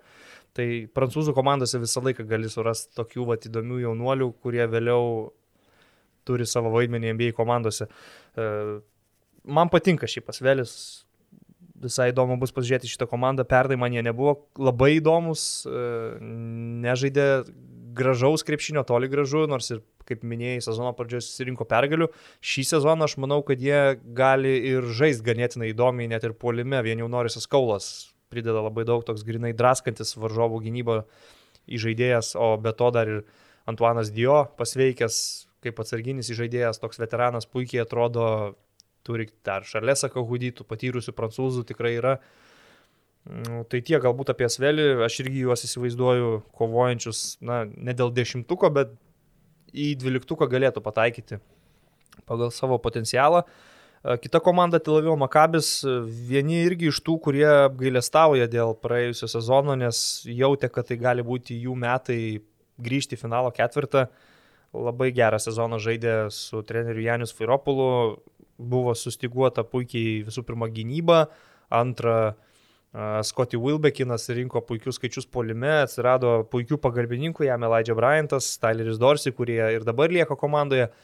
Taip pat Otelo Hunteris įrodinėjo, kad na, dar tikrai anksti nurašyti, nors jau pagal amžių veteranas, bet pernai buvo vienas pajėgiausių ir stabiliausių centrų, tokių 2 prieš 2 žaidžiančių, galinčių susikeisti gynyboje, renkančių atkovotus kamuolius polime. Tai Otelo Hunteris irgi toliau lieka komandoje, bet yra ir išvykstančių krepšininkų. E, Quincy's vienas iš tokių, dar keli žaidėjai paliko komandą, pasipildė dabar kroatai Santė Žyžičius į vidurio polėjo poziciją kaip tokio jau klasikinio centro variantas ir Draganas Benderis, vilčių, lūkesčių neišpildantis talentas, kuris dabar grįžta į Europą ir žais Makabėje, bet aš kažkaip nesitikiu iš jo stebuklingo kažkokio krepšinio, aš labiau matau jį kaip pagal, žaid, pagal profilį panašų į Omri Kaspi ir ieško galbūt tokios trumpalaikės pamainos, kol nėra aišku, kas vyksta su Omri Kaspi, kiek jis dar gydysis traumą, kada galės grįžti į aikštelę. Tai jo kontraktas tai, yra gal tik tai ne mėnesiui, bet gal taip, vos ne iki naujų metų. Laikiną kontraktą pasirašė jo su, su Benderiu. Man atrodo kažkaip taip grinai ant popieriaus, kad trūksta šiek tiek sudėties gylio ir gal nebus labai stiprus Makabio suolelis, bet komanda toliau su Scotty Wilbekinu, toliau su Otelo Hunteriu turėtų pretenduoti į aštuntuką su viena papildoma sąlyga. Scotty Wilbekinas yra labai traumingas žaidėjas, pakankamai dažnai susižeidžia čiurną. Jo, jis... ir, ir kai kurie kiti krepšikai irgi traumuojas. Praeitą sezoną buvo susiklošus ten situacija, kai buvo gal šeši traumuoti ir kvietės tokius žaidėjus laikinai kaip Aaronas Jacksonas, veteranas iš Kinijos ir panašiai. Tai su ta sąlyga, kad nebus traumų ir sugebės žaidėjai likti sveiki, žinant Janio Sfairopulo sugebėjimus tvarkyti gynybą, Makabis gali ir turi patekti atkrintamasis. Skočio Wilbekino problema yra kažkuria prasme problema yra ta, kad jis tritaškai išmeta, išmeta labai aukštai pašokęs, dažnai per rankas ir dažnai besileisdamas jis krypteli tą koją ir, ir dėl to tikrai yra traumingas žaidėjas. E, galima rasti panašumų tarp Pasvelio ir Makabio, nes e, abi, abu klubai, palyginus su praėjusiu sezonu, praranda e, būsimą turbūt NBA draftų aukštą šaukimą. Asvelis praranda Teo Maledoną, Makabis praranda po sezono nutraukimo iš pradžių, kaip suprantu, į kariuomenę trumpai išėjusi į Denį Avdiją, bet jis turėtų už, už kiek už mėnesio, gal už poros savaičių vykstančiame NBA draftė būti net ir top 10 šaukimas, dėl to nebejojama, kad jis šį sezoną Makabija nežais. Man iš Makabio praėjusią sezoną patikdavo, kaip jie, namu, kaip jie ypač namuose žaisdami šerdavo tritaškius, atsivaro vienas nusimetimas ir, ir tavo minėti amerikiečiai, bet kuris gauna metą, visiškai problemų nemato. Jo polime žaidžia labai paprastą krepšinį, beje, apie Svaropolo ranką daug kalbama, bet dėl gynybos, o polime ten viskas žiauriai paprasta. 2 prieš 2 žaidžia rollą Wilbekinas su Hunteriu ir po užtvaros jie turi akimirką ir iš karto metą. Jo, jeigu atidirbi ir... gynyboje, tu gausi žaidimo laiko, tai... o jeigu tu gausi žaidimo laiko, tu polime gali, gali daryti ką tik nori. Lygiai taip pat Dorsi su Elijah Bryantu irgi pakankamai daug laisvės turėjo polime atakuoti ir tokia formulė pasiteisino, žaidėjai atrodė gan laimingi, patenkinti, rinko pergalės, žaidė solidų krepšinį, pretendavo į finalo ketvirtą. Dar man panašus jie su Asveliu yra to, kad ir Makabis ir Asvelis yra tarp klubų, kurie labai stipriai priklausomi nuo bilietų pardavimų, jie nemažą dalį pajamų irgi taip susirenka. Ir Makabių didelis smūgis yra pandemija, tuščios arenos, šiaip Izraelyje situacija gan sudėtinga, aš kaip suprantu, jie dabar nutraukė net savo nacionalinį čempionatą. Jo, jie labai griežtai tai žiūri, taip, taip. sustabdė, nors ir Hapoelis e, čempionų lygoje, o Makabis Eurolygoje galės renkti rungtynės, kaip suprantu, namuose, bet aišku, bet aš įsivaizduoju, tas pasirengimas labai komplikuotas gaunasi ir sezonui, ir atskirom rungtynėm. Ar gal net negalės namuose žaisti ir turės turbūt ieškoti artimiausių arenų Turkijoje, Kiprė. Aš nesu tikras, bet tikrai kažkur. situacija sunkuoka, nes jeigu uždaro nacionalinį čempionatą, jeigu užsidarinėja apskritai šalis, tai klausimas, kiek gali krepšinio klubas e, žais normalų sezoną tokiam sąlygom ir pas juos, kad atskristų svečiai ir jie patys skraidytų nuolat. Nežinau, labai sunkiai visą tai skamba, bet šiaip, jeigu taip idealiu atveju, pagal sudėti, pagal galimybės, Makabis uh, Aš manau, kad yra vis dėlto top 8 komanda. Nu, pas mane yra top 8, to iš, kar, iš anksto atskleisiu. O toliau turim Pirėjo Olimpijakosą, jau pirmajame turė Olimpijakosą pamatysim prieš Kauno Žalgerį, jau kiek anksčiau mačiau Olimpijakoso ir tą draugišką turnyrą Valencijoje. Klubo esminis pirkinys be abejo yra sugrįžęs Kostas Lukas, kuris dabar jau daugiau, manau, organizuos žaidimą nei Vasilis Panulis. Jau iš Panulio galima tikėtis tik labai riboto indėlio per ribotą minučių skaičių. Bet aš tą patį jau sakau, kokius penkis sezonus. Nu, bet jau dabar tikrai jau praeitą sezoną tas jautėsi, kad Nas Panulis jau net nebepersivaro kamulio per aikštelę, už jį turi persivaryti ir jam paduoti. Kitoj pusėje jis niekada nebuvo labai geras sniperis, ką norėčiau akcentuoti, jis tiesiog buvo labai geras klač metikas. Uh, E, tai vėlgi jam jau sunku darosi įsiveršti į baudos aikštelę, peit žmogų, jam reikia užtvarų. Tai aš manau, kad Vasilis Panulis pats gal pradeda irgi suprasti savo e, vaidmenį komandai, kuo jis gali būti naudingas ir šiek tiek turi pasikuklinti savo ambicijas asmeninės. Ir Kostas Lukas tampa tuo žmogumu, aplink kurį turėtų suktis puolimas. Tai yra vienas geriausių pick and rollo žaidėjų visoje Europoje pagal tai, kaip jis atrodė Feneryje, nepanašu, kad būtų senstelėjęs ar jau gestas Luko žvaigždė, tikrai nepasakyčiau, vis dar yra jisai geriausia Kostas Luko versija ir su juo tikrai lengviau atsiskleisti ir tiem naujiem vidurio polėjam, amerikiečiam, kurie labai gerai raulina po krepšių, stato geras užtvaras. Lukas 90, man atrodo, jam 30 metų. Pasitikrinsiu dar šitą, bet, nu, esmė, kad jisai dar tikrai nėra senstanti ar nusenų žvaigždė, jisai atvyksta būdamas jėgų žydėjime. Tai sakau, tiem pikenroliniam centram su tokiu partneriu žaisti puiku, gynyboje aš manau, kad Pratsokas daug naudos pilną susikeitimą gynyboje, taip ir sukomplektuota komanda pagal priekinę liniją, išvažiavo Milutinovas į tą penktą poziciją paimti labai atletiški amerikiečiai, Octavijus Elisas ir 2,1 cm Hasanas Martinas, kas jau diktuoja tam tikrą vaizdą gynyboje apie susikeitimus. Jorgis Printezis, skirtingai nei Vasilis Panulis, aišku, šiek tiek jaunesnis, vis dar atrodo elitinis ketvirtas numeris Eurolygoje, tai Olimpiakosas bent jau atrodo geriau nei Pao, mano toks pirmas įspūdis. Jiems tikrai reiks laiko susižais, nes tai yra naujai suburta komanda, labai daug pasikeitusi sudėtis. Uh, Barzokas garsėja kaip gynybinis treneris, tai įdomu, kiek jis išsireikalaus to gynybinio krepšinio iš būtent šitų žaidėjų. Vienintelis dalykas, ko aš pasigėdau žiūrėdamas į juos per kontrolinės rungtynės, tai snaiperių. Man labai trūksta čia tokio vieno aiškesnio metiko. Tarkim, pernai buvo Brendonas Polas, kuris, man atrodo, neblogai tiktų ir dabar, nes jų visi žaidėjai tokie, kur kaip ir gali pataikyti, bet realiai nėra snaiperiai. Ten ar žiūrėsi Šakilą Makisiką, ar Kostą Paponikolau, kuris žiauriai nestabiliai meta iš toli, ar ten jau Čarlzas Jenkinsas, tai iš vis yra žaidėjas, kuris vien gynybai reikalingas, polime nelabai ką gali pasiūlyti. Tai va sakau, man galbūt trūksta snaiperių, bet kita vertus atrodo sukomplektuoti protingiau nei jų pagrindiniai priešai iš, iš Atenų. E, praėjusį sezoną Olimpiakose iš vis buvo bardakas, e, žaidėjai tai keitėsi, treneriai keitėsi. E, man patiko gale sezono paimtas Šakilas Makisičius, iš, Makisikas Makisičius iš, iš Bešiktašo. Makisikas, manau, dar lik serbų netapo.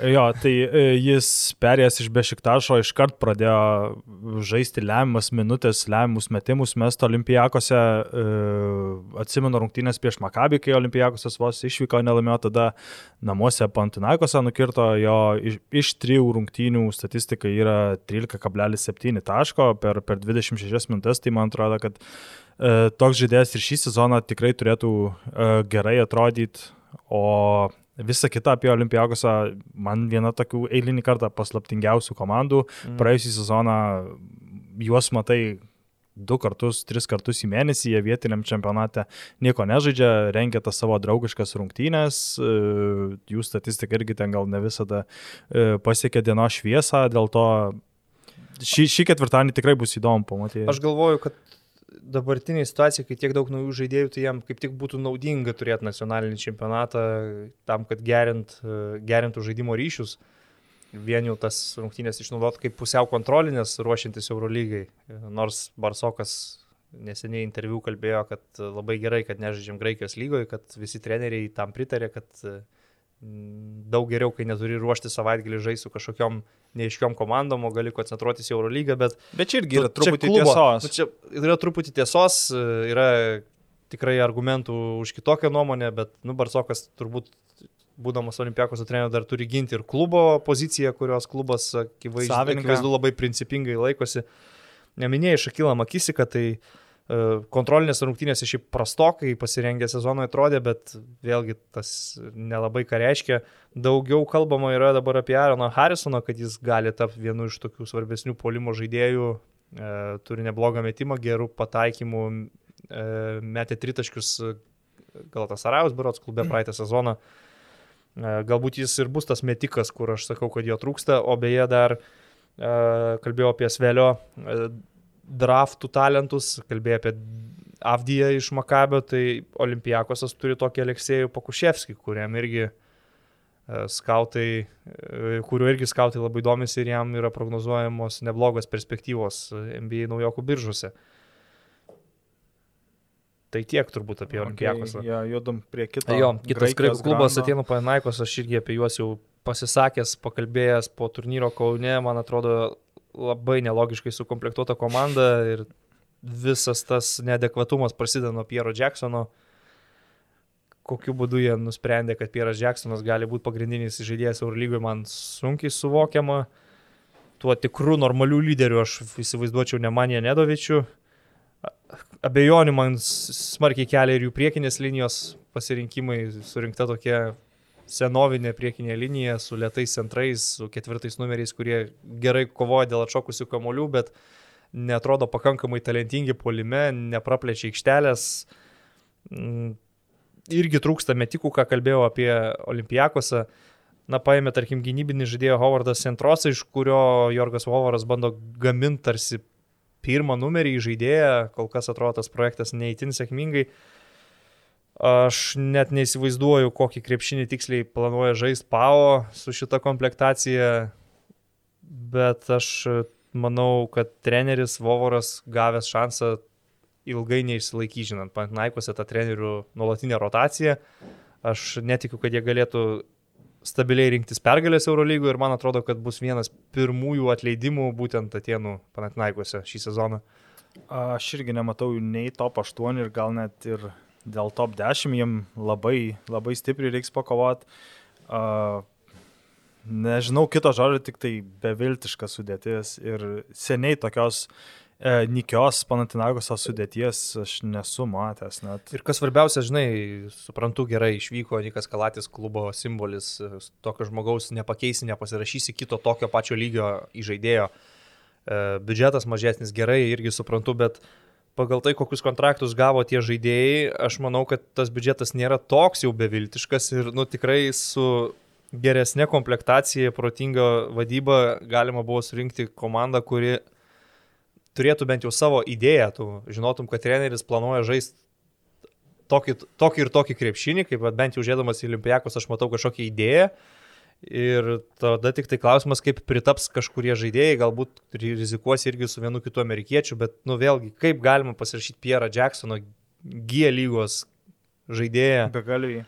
Nu, kuris, jeigu per tris metus Eurolygoje nepersilaužė ir neparodė, kad jis tinka, tai ką jis naujo gali dabar vat, parodyti. Tai, nu, vienintelis dalykas, ką aš manau, tai kad e, Eurolygos fantasy žaidime labai apsimokės turėti Nemanė Nedovičių, aš manau, kad jisai rinks gerą statistiką. Uh, Serbas pastaruoju metu buvo, buvo toks primirštas, Milane, tai traumuotas, tai šešėlį kitų žaidėjų. Dabar aš manau, kad Nedovičius daug turės kamolį, daug turės atsakomybės ir statistika susirinks, bet e, Panatinaikosios pergalių surankęs, manau, ne, ne per nelik daug. Jeigu kažkada gausis man pamatyti Pantnagos rungtynės, tai bus įdomu pamatyti Georgas Kalaidzakį perėjusį iš Nevežio, įdomu, kaip jam seksis, nes į Lietuvą jis atvyko kaip ir e, afišuojamas, lyg bus e, NBA pikas, jam dar tik 21, kaip ir jaunas žaidėjas, tai į, įdomu, kaip jis grįžęs į, į Panatinaikos atrodys ir, ir toje mažoje 7-12 minučių rolėje Eurolygoje, kas jam gausis. Yra tų tokių neaiškių žaidėjų, kur bent jau man nelabai aišku, ką jie tiksliai gali pademonstruoti Eurolygoje, bet daug turbūt šnekėti ir neverta, jeigu taip jau neigiamai, skeptiškai vertinam Palatinaikose. Nu, nebent Jonis Papapetru vėl surinks 40. Ja, Papapetru tai man aišku žaidėjas, viskas su juo yra gerai, tai yra trečios, ketvirtos pozicijos patikimas krepšininkas. Gerai, kad bent jau tokį toliau išsaugo Atenų Palatinaikos, bet tendencija tokia, kad kasmet Pavo vis silpnėja ir, ir prie gero neveda galbūt tie klubo prezidento pastovus skandalai.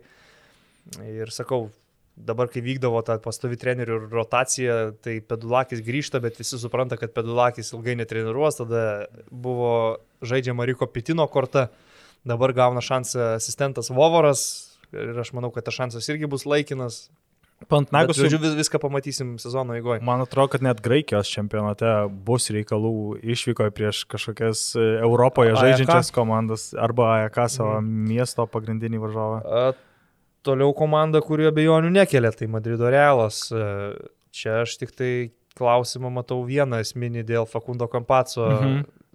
Aš manau, kad jeigu Fakundo Kampaco lieka Madride, tai neišvengiama finalo ketvirto komanda. Uh, jei Kampaco nuspręs vykti į NBA, realui gali būti sunkumų pakeisti pagrindinį žaidėją, e, ar tai permetant daugiau atsakomybės Laprovitolai ir, ir Serhijo Jūlui, ar ieškant pajėgaus kažkokio naujoko, jau prasidėjus sezonui tikrai keblu yra pasirašyti gerą žaidėją ir integruoti jį į tokią komandą, kur visi susižaidė, kur visi ne vienus metus kartu, kur jie žaidžia net ne ant kažkokios sistemos ar derinių, bet tiesiog ant geros tarpusavio chemijos. E, Pablo Laso ten tikrai, manau, nereikia ruošinti sezonui sukurti 20 naujų derinių, tiesiog reikia e, suskirsti žaidėjus į rolės, kiekvienas žino savo vaidmenį, didelė rotacija, niekas nežaidžia tam po 30 minučių, dalinasi tą laiką vos ne porcijom po lygiai. Ir svarbiausia, kad nesimato nepatenkintų tokiam procese turbūt visi laimingi ir Madride gyvendami geromis sąlygomis ir turėdami ilgalaikius kontraktus, ramybę dėl savo ir savo šeimos ateities. Ir, ir futbolo nemokamai žiūrėdami. Tiesiog pavyzdinė tokia Eurolygos organizacija. Aišku, tam, kad tokie būtum, reikia turėti atitinkamus finansinius išteklius, realas juos turi. E, Taip, dar metais paseno Rudy, Serhijo, JC, Felipe Rėsas jau labiau yra emocinis toks lyderis aikštelėje. Jis net sakė, kad baigia karjerą, atrodo. Jis nesakė. Jo agentas gal tokia, sakė. Ne, tokia informacija buvo išlindus žiniasklaidai. Jo, jo agentas kaip tik buvo tas žmogus, kuris suskubo paneigti, kad nieko panašaus nei žaidėjas kelbė, nei ką. Tiesiog kažkuri žiniasklaidos priemonė pasigavo tokį gandą ir paskelbė, bet tas buvo labai greitai paneigta. Uh, sudėtis beveik nepasikeitus, išskyrus tai, kad nusipirko Alberto Baldė iš Valencijos už pusantro milijono eurų išpirka, kas krepšinėje yra labai didelė išpirka. Um, išvyko Jordanas Miki, kaip ir tiesiogiai nieko į jo vietą nepasirašė, aš manau paprasčiausiai dėl to, kad tikisi iš Usmano Garubos dabar didesnio vaidmens ir, ir tas vaidmuo tikrai bus. Walteris Tavarsas toliau uh, užkiš visą baudos aikštelę, uh, Realo gynėjai ginsis iš arti, leis visus eiti po krepšių, ten rinktis blokus nuo Tavareso ir Tavaresas yra, pavyzdžiui, toks žaidėjas, kuris vietinė Ispanijos, lyg, Ispanijos lygoje Realui jau garantuoja uh, daugybę pergalių ir turbūt buvimą top 2 uh, tarp, tarp komandų, nes Ispanijos arba net ir prastesnės Eurolygos komandos neturi tų praplečiančių aukštų, iš aukščiau galinčių pataikyti žaidėjų, dėl to uh, Tavaresas man atrodo, yra jeigu nesvarbiausius, tai top 2 tarp svarbiausių realo žaidėjų ir viską pasako penktadienį, e, kai atsidariau jų rungtynės Ispanijoje su Saragosa. Tavarisas žaidė 19 minučių, bet jo plus minus yra plus 43. Tai per 19 minučių jam būnant aikštėje Realas laimėjo atkarpą 43 taškais, nors Realas visas rungtynės laimėjo tik apie 15 taškų. Dėl to, nu, wow, Tavarisas turėtų būti tas žaidėjas, kuris kartu galbūt su Milutinovu kovos dėl geriausiai besiginančio no, žaidėjo tikrai Eurolygoje. Tikrai nekovos dėl geriausiai besiginančio žaidėjo Milutinovas, aš tai nežinau net kodėl būtent Milutinovą tu pažymėjai, aš labiau čia kokį Bryantą Dunstoną traukčiau, jeigu jau kalbam apie, apie geriausiai besiginančius, bet dėl tavarešo milžiniškos įtakos, tai aš pilnai sutinku, nors plius minus yra mano nemėgstamiausias statistikos rodiklis. Nu čia prie tų bet, additional stats, kurie ne visada gerai bet, bet, bet tavarešo įtaka aikštelį, nu jinai plika akimi yra matoma ir labai paprasta pasakyti, reikia atakuoti tavarešą 2 prieš 2, bet padaryti tai yra labai sudėtinga ir Šaro Žalgiris buvo gal gan unikalus tuo, kad sugebėdavo taip užatakuoti ir ten, tarkim, Brendono Deiviso vidutinio nuotolio metimais šiek tiek eliminuoti Valterį Tavarešą iš rungtynių. Tai jeigu net tie Deiviso metimai, tai Žalgeris ir į top 8 turbūt tada nebūtų patekę, bet atakavo ir, ir su Deivisu, ir, ir su, su Jankūnu. Ir su Jankūnu, taip, nu žodžiu. Uh, Bet bendrai aš pritariu, bet man, atsakau, kilo klausimas, kodėl tu manai, kad Nikola Milutinovas aš iš praėjusią sezoną kažkaip atsimenu, kad uh, Milutinovas dar žaidamas Olimpiagose buvo kažkaip pagal bookmakerius labai aukštai vertinamas, bet dabar atsidariau jo, gal labiau Heinzas. Heinzas, Dunstonas. Taip, taip. Man tai va tokie. Gal grinai. Milutinovas yra labiau gal top 10, nebūtinai Milutinovas su Milutinovu. Man labai, labiau, aš net apsakyčiau, kad jis kažkuo gynyboje labai išskirtinis, man jisai kaip tik jo talentai tokie polime daug duoda jo komandai, offensive rebound ir taip toliau. Aišku, aš suprantu, kad balsuotojai, žmonės, kurie renka, kažkada buvo Dariušas Lavrinovičius, Žalgirį žaisdamas išrinktas į geriausiai besiginančių penketą, nes tiesiog blokų daug rinko. Arba Vidas Ginevičius kamolių daug perimdavo. Tai, žinai. Jo, jo. Uh, ok, tai aš manau, kad Realas tikrai bus finalo ketvirtą, jei lieka kampaco, jei ne, tada reikia žiūrėti, kaip viskas klostys toliau, ką, ką tu galvoji. Svarbiausia, kaip ir visam komandom, turbūt bus pradžiai patekti į, top 8, nes kai tu patenki į top 8, tu esi per 5 pergalės nuo tapimo čempionų. Per 3 pergalės. Per... Nuo tapimo čempionų. Nei, nuo... Ai, nuo tapimo čempionų. Taip, taip, taip. Ja, Dėl to, um, jo, realas žais tą savo seną vagą, net ir pralaimėjimai kaip praėjusį sezoną Žalgeriui arba, arba dar silpnesniam komandom nieko nepakeis, jie toliau bandys žaisti savo patirtimi, chemiją, talentu ir Uh, jie, jie tikrai yra playoffų komanda, jie tikrai yra finalo ketvirto komanda ir aš, aš būsiu tas, kuris sirgs už, už realą, kad jie laimėtų Eurolygą. Mhm. Aš nepasakyčiau, kad sirgsiu, nėra, kad man jie kelia labai daug emocijų, bet žiauriai man malonu matyti tokią komandą, kuri žaidžia teisingą krepšinį, klubą, kuris labai teisingai dirba, nėra niekada ten jokių skandalų. Uh, niekas nejudina Pablo Laso kėdės, net ir pralaimi tris rungtynės iš eilės Eurolygoje ar, ar ACB ten kažkur tai nusileidžia vienam kitam varžovui.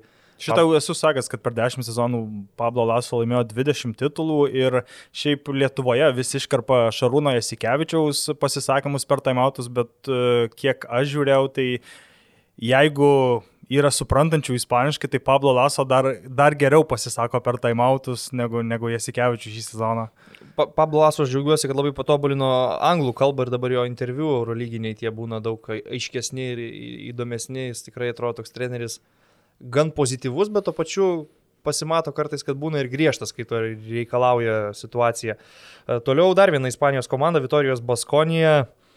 Aš manau, kad jie komplektuodami komandą naujam sezonui, po ką tik iškovoto to pandeminio Ispanijos čempionų titulo, labiausiai ieškojo metikų, nes praeitą sezoną buvo blogiausiai tritaškius metanti Eurolygos komanda, tiek pagal pataikymo procentą, tiek ir pagal pataikytų metimų skaičių. Iš dalies dėl to, kad labai blogus metus išgyveno metas Dženingas, kuris kaip ir turėtų būti sniperis, bet atakavo tiesiog katastrofiškai. Ir tą problemą jie pradėjo spręsti labai staigiai, pasirašydami visų pirma kontraktą su Roku Gedraičiu, kuris uh, tampa tuo metiku, uh, grinų uh, po puolimo išreikštų skorerių, kuris ir sezono pradžioje ACB jau renka ne, nemažą statistiką, kalbant apie pelnytus taškus ir turbūt Eurolygoje jam yra numatytas labai svarbus vaidmo polime. A, toliau pastiprino priekinę liniją Džekiry iš Asvelio, apie tą jau šiek tiek buvau užsiminęs.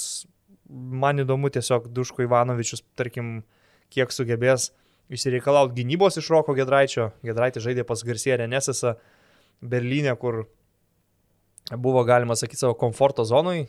Ten krepšinis gražus, visi bėga, visi meta, gynybos nedaug, pas Duškų Ivanovičių šiek tiek kitos taisyklės ir kiti reikalavimai, tai galbūt Rokas pats e, patobulės dar per metus tiek psichologiškai, tiek ir e, apskritai vertinant įgūdžius gynyboje. Toliau žiūrint į kitus žaidėjus, Alekas Petersas pridėtas praplėsti aikšteliai, labai gerai pataikantis, tritaškius ketvirtas numeris, iš esmės tą vieną skilą ir turi mest tritaškį. Iš pagavimo daugiau nelabai ką ir daro Alekas Petersas, bet savo rolėje yra labai geras.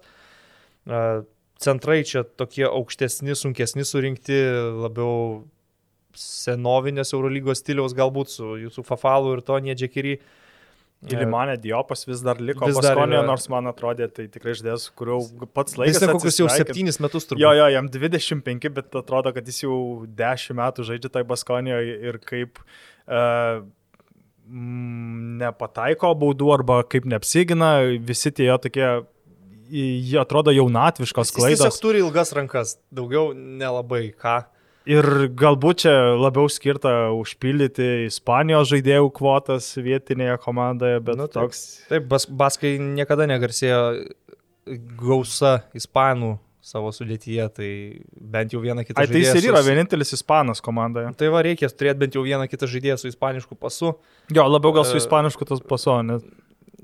Luka Vildosa, Pierre Henry pagrindiniai žaidėjai šitoj pozicijoje, man atrodo, visai gerai sukomplektuota komanda, bet visą kitą sudėjus, tai atsižvelgiant dar į tai, kad treniruoja Duško Ivanovičius, labai didelių lūkesčių aš Baskams neturiu bent jau, nu, vienintelis mano lūkestis yra, kad žaistų gražesnį krepšinį ir šio laikiškesnį nei pernai, nes praeitą sezoną man nesvarbu, kad jie laimėjo tą Ispanijos titulą Eurolygoje, jie žaidė kraupiai. Buvo labai kraupu žiūrėti. Jo, galima atsiminti, kai su Žalgiriu žaidė tą antrą rungtynių pusę, kurie gimdė visą laiką polime ir, ir Tiesiog apie Roką Gedraitį, tai, nu, wow, žaidėjas kiek patobulėjo. Aš atsimenu, pirmą kartą jį taip realiai rimtai pamačiau 2012-2013 sezonų, sezoną, kai jis dar žaisdamas už mažiekius laimėjo Alitoje finalą prieš Dzukiją dėl, dėl NKL aukso ir, wow, kiek jis pakilo ir, ir aš net nežinau, ar dabar jau yra jo tos lubos, ar jis dar gali kažkiek pridėti ir, ir galbūt už, už kelių metų iškeliauti į NBA arba jau tokią elitinę Eurolygos komandą, ten Realo, CSK kalibro. Įdomu šiaip, sakau, man labiausiai intriguoja, mane labiausiai intriguoja, kiek gynyboje bus geresnis Rokas Gedraitis ir sugebės pasi, pasitobulinti savo tiek asmeninę, tiek komandinę gynybą, žaisdamas jau pas visai kitokį trenerį, kitokioje aplinkoje. E, toliau dar viena ispanų ekipa, Valencija, kuri man iš ispanų klubų po Barsos ir Realo atrodo simpatiškiausia ir aš daugiausiai iš jų tikiuosi. Netgi spėju, kad jie pateks į top 8. Labai sėkmingai realizavo tą pusantro milijono eurų išpirką už Abaldę. Nusip... Jo, trumpuoju laikotarpiu atrodo, kad Valencija yra laimėtojai to dylo tarp Realo. Jie pasirašė Kaliničių ir Dereką Williamsą, du žaidėjus, kurie atvyksta iš Stambulo Fenerbakčias. E, išlaikytas brandolys iš esmės, didesnė dalis tų pačių žaidėjų, veteranų lieka tų žmonių, su kuriais Valencija ir Eurocapą laimėjo ir pernai konkuravo realiai dėl to paštuonių. Turėjo tikrai šansų prasibrauti atkrintamasias varžybas. Dar svarbus ganėtinai prikinys Martinas Hermansonas iš Berlyno Albos, jaunesnis gynėjas šalia veteranų, Kvino Kolomo, Van Rosomo ir tuo pačiu pakankamai talentingas toks kombo žaidėjas, kuris gali rinkti taškus, kuris labai gerai žaidė Berlyno alboj. Ir Alba su Valencija šiek tiek panaši tuo, kad Žaunu Ponsarnau, kaip yra Įto Garcia Renesas, toks lengvai romantiškas treneris, e, ganėtinai ramus, inteligentiškas, mėgsta gražų krepšinį polimą, bet Valencija Alba skiriasi tuo, kad jie turi žaidėjų, kurie tikrai gerai gynasi. Tai ne tik Kaliničius, bet ir Žanas Astrė ir, ir kai kurie kiti krepšininkai pasižymi solidžią gynybą man patinka jų, tarkim, centrai, abu vienas kitą labai sėkmingai keičia Maikas Taubi ir Bojanas Dublevičius, keičiasi atkarpom ir abu žaidžia labai labai naudingai. A, jo, Hermansonas perėjo iš Albos, Valencija būtent prieš Albą ir žaidė uh, už praėjusio sezono Eurocapo finale. Uh, tikrai komanda, kuri, kaip jau sakiau, man atrodo, kad laimėjo tą trumpalaikį dylą, jeigu Abaldė, aišku, dar labiau patobulės ir galbūt išvyks į NBA, tai realas bus to, to dylo laimėtojas, bet išleido tikrai žinojo, kur leidžia pinigus, pavyzdžiui, priešingai negu Panatinagose susirinkę kažkokių random amerikiečių ir kažkokių žaidėjų. Ruletė išsuko. Jo, ir tikrai Valencija atrodė, kad žinojo, ką daro. Dublevičius yra iš esmės jau klubo legenda, kelintą sezoną išėlės, likęs dar nuo tų laikų, kai Valencija Valencija laimėjo prieš Realą CB pirmenybės. O jis nuo dar senesnių laikų. Taip, taip, jis jau taip. labai seniai ten žaidžia ir labai pritapo. Dublivičius žaidžia kokius devintus metus turbūt Valencijoje. Atėjo 2012. Jo, iš, tai iš šis ir bus devintas sezonas. Uh, įdomi komanda ir pas tavę jinai yra. Aštuntuka pas mane yra po, po klaustuku, bet komanda, kuri nenustepčiau, kad irgi galėtų ten net ir iki top 5, top 6 galbūt uh, pakilti reguliariavime. Sakau, man dar stiprina tą prognozę ir tai, kad jie realiai praeitą sezoną pradėjo blogai, bet paskui, kai įsibėgėjo rinko pergalės, jie buvo diskusijai dėl to paštuonyje. Žaidė tokį svarbų mačą su Milanu namie tuščioj salėje, kur Mitsovas pataikė game winnerį paskutiniam sekundėm ir ten, jeigu pergalė būtų Valencijos, jie taptų vos ne favoritais į aštuntą vietą pataikyti. Jo, jie praėjusią sezoną nuleido ten pačiam gale rungtynių, atsimenu, buvo ir su Barcelona namie, kaip pirmą paskutiniam kelnį gal dvi ženklių skirtumų ir Mirotičiaus gamewineris nulėmė pralaimėjimą. Tai šį sezoną labiau patyrę grįžta į Eurolygą. E, toliau yra Kauno Žalgeris. Šiek tiek, šiek, šiek tiek pavargau aš kalbėti visą laiką tą patį apie Žalgerį per dešimt skirtingų laidų, tai net nesikartosiu niekiek Tiesiog e, galima paminėti tai, kad e, Tomo Dimšos klausimas jau išsisprendė, jis išvyko į Gran Canariją, žais Ispanijoje. Šiaip atrodo gan keistai, kai pasirašomas yra ne, ne 19 metis žaidėjas, o žaidėjas 27 metų. Jis 96, gal 94, gal tai 26. Nu, kažkas, kažkas tokio. Ir net nespėjęs sužaisti rungtynių, jau yra kažkam skolinamas, nes tiesiog netinka treneriui. Uh, Nu, akivaizdu, kad Žalgeris dabar bus visiškai kitoks, prasidėjo tokia nauja era, Martinas Šileris. Tikrai kitaip treniruos komanda nei Šarūnas Įsikevičius, kol kas susidaro įspūdis, kad jei prie Šaro Žalgeris buvo komanda, kuri ruošiasi labai kiekvienai smulkmenai, e, žaidžia tokį grinai situacijų krepšinį pagal varžovą, ieškomis mečų, dabar galbūt bus daugiau komanda, kurios treneris bando sukurti tokią net nesakysiu žaidimo sistemą, bet žaidimo pagrindą. Ant to pagrindo komanda žaistų kiekvieną kartą, bet aš abejoju, ar Žalgiris yra toks talentingas ir tokius gerus žaidėjus turi, kad taip galėtų sauliaisti Eurolygoje žaisti ir dar konkuruoti dėl aukštesnių vietų. Galbūt Madrido Realas, elitinė komanda, gali taip žaisti Žalgiris. Abejoju, kol kas pasigendu žmonių, kurie gali patemti komandą, tokių aiškių lyderių, kurie gali sužaisti ir vienas prieš vieną, kai nepavyksta pirma, antra polimo opcija, neišeina tie deriniai. Tarsi ir Marius Grigonis turėtų būti tokių žaidėjų. Man gal ant popieriaus ta komplektacija netrodo, gan ne, netrodo labai blogai, išskyrus priekinę liniją, kuri mano akim nesubalansuota. Bet pradžioj sezono to tokio gero vaizdo nesimato. Pesimizmo, aišku, žmonėms daug prideda tai, kad artėjant Eurolygos startui pralaimėta Panevežė Lietkabelio klubui. Bet čia galima prisiminti, tarkim, kad ir Šaro laikais Neptūnui praloždavo lygiai taip pat sezono pradžioje, reguliariam sezonė, kas nėra labai reikšminga. Tai lygiai taip pat yra tam pačiam Lietkabeliui pralošę išvyko į pirmasis LKL atidarimo taip. rungtynės ir vis tiek tas sezonas buvo uh, saliginai geras. Man vis tiek žiauri daug klausimų yra dėl Stevo Vasturijos. Man jis E, aš žiūrėjau su Lietkabeliu ir vis tos Lietkabelio rungtynės mano, mano nuomonės apie Žalgirį visiškai neįtakoja, man nėra skirtumo, ar, ar jie laimėjo 20 taškų, ar, ar, ar pralaimėjo, bet Jeigu ant jo rizikuos, jeigu jis negali pataikyti normaliame lygyje to tritaškio, jeigu jis bus tik tas gynybinis žaidėjas, tai aš ir jeigu Žalgeris polime puls keturiesi prieš penkis iš esmės. Jau Tomas Vokupas nėra polimo žaidėjas, bet jis sugeba susirinkti laisvas savo laisvus metimus. Nu, jis tapo, pataiko, tapo į žaidėjus. Pataiko tritaškus. Komandinis žaidėjas. Ir aš nežinau, kodėl būtent Styvą Vasturė pasiliko, o ne, o ne tarkim, Tomą Dimšą. Styvas Vasturė šiaip jau buvo Jasikevičius pirkinys, bet atrodo, kad tampa tokiu Martino Šilerio numylėtiniu. Labai patinka galbūt treneriui dėl to, kad gerai, gerai gyvenina jo užduotis. E, tas polimo ribotumas, talentos toka, nu, daugam ateinant iš FIBOS čempionų lygos, iš kuklios vokiečių komandos į Eurolygą pasireiškia. Uh, Žalgiris iš tikrųjų, ką mačiau ir draugiškose rungtynėse, susikūrė tų metimų, bet laisvi kol kas tritaškius meta prastokai. Vienas toks aiškus sniperis be abejo yra Artūras Milaknis, bet daugiau gerai pataikančių žaidėjų irgi galima rasti. Tai galbūt tas pataikymo procentas anksčiau ir vėliau pagerės.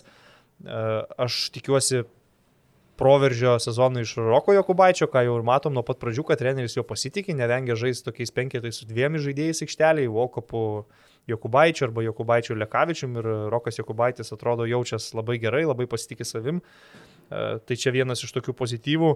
Jokubaitis yra must have Eurolygos fantasy. Ten nieko nekainuoja, trupinis kainuoja minimalę tą kainą 0,1, o graža, manau, bus pakankama, nes tikrai turėtų žaisti bent jau po 15 minučių. Uh, Ir žinant jo talentus, tai tikrai bus ir asistų, bus ir taškų, gerai skaito 2 prieš 2 situacijas. Dar neiškumo prideda ir Patricio Garino situacija, nežinia, kada jis galės jau žaisti ir debituoti. Bet Žalgris pirko jau žinodami, kad jis nepradės nu, sezono. Tas rizikas be abejo žinojo, kad jis yra po kryžminių raiščių traumos, kad jis dar tęsia reabilitaciją, jam reikia dar šiek tiek stiprinti uh, kojų raumenis dabar, apsaugant kelio girnelę ir tuos visus raiščius. Uh, Garino jam daug duotų, būdamas geros formos, bet dabar savo geriausiai. Neaišku, versijai. kiek ilgai užtruks jisai pagauti tą formą, tai gali būti jau tik antroji sezono pusė kažkur tai po naujųjų metų. Na tai tiek gal apie Kauno Žalgerį, kokią tu vietą prognozuotum Žalgeriečiam šį sezoną?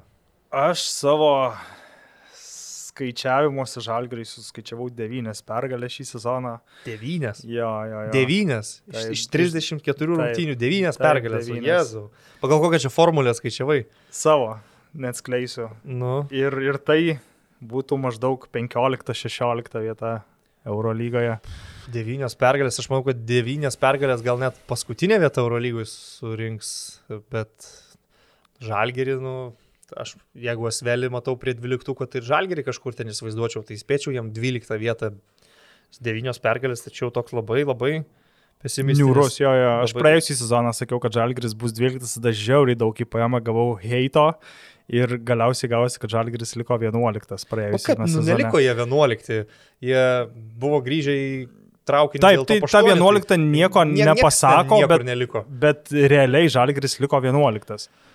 Nu, realiai Žalgiris žaidė ne 11 komandos lygio krepšinį praeitam sezonė, tai čia man gana akivaizdus dalykas, bet šį sezoną aš nesitikiu, kad jie bus tokie geri ir, ir kad taip jau konkuruos ir kad pernai, kai devynis mačius išėlės pralaimėjo, bet vis tiek buvo tas tikėjimas, kad žaidžia jie gerai ir reikia laiko ir galiausiai pramušė, tai šį sezoną uh, jau dabar atsiranda tokių piktų liežuvių, kur ant Martino Šilerio plaka ir, ir sako, kad čia ne tas treneris, kokio reikėjo ir taip toliau, aš taip nenurašinėčiau, reikia duoti žmogui laiko. Jo, a, aš sutinku, bet e, įdomu, kiek pirkinių būtent yra paties Šilerio. Ar nors vienas tiksliau tai, yra mes to kaip ir nežinom, žinom tą faktą, kad Vasturija buvo pasirašytas dar, kai atrodė, kad Jasikevičius bus Žalgiris. Marekas. Marekas Blaževičius irgi buvo žaidėjas, kurio dar ir Šaras norėjo. Žalgiris mokėjo išpirkau žį, Tomas Dimša grįžo kaip Žalgirio sistemos žaidėjas, kur pasitaikė nebloga galimybė jį susigražinti turbūt už saliginai nedidelius pinigus. O visi kiti, tai, nu, nežinau, Žalgiris akivaizdžiai rinkosi Eurolygoje patikrintus žaidėjus po sunkesnių sezonų. Tai Žofry Lovernas, Augustinas Rubitas, Patricio Garino, iš visų šitų kol kas tik Lovernas atrodo tikrai geros formos, gerai pasirengę sezonui. Jo, po to, kai krito jų kaina ir jie Taip, tapo tai prieinami. Aš nežinau, kiek tai yra Šilerio pirkiniai. Šileris yra G lygos treneris, bent jau buvo pastaruoju metu. Ir kiek jisai pats komplektavosi, tai daugiau galbūt yra klubo vadovų sprendimo, jo jisai tiesiog atitinkamai treniruoja komandą. Uh, Aš tik labai nenorėčiau, kad Eurolygoje bandytų taikyti tuos NBA reguliariojo sezono metodus, kai yra sustatyta rotacija, kas kada įeina į rungtynės ir nepriklausomai nuo situacijų, nepriklausomai nuo to, kas vyksta aikštelį, laikosi tos rotacijos. Tai yra NBA reguliariojo sezono praktika ir aš suprantu, kodėl jinai tinka NBA, bet jinai visiškai netinka Eurolygoje. Aš labai tikiuosi, kad to nebus.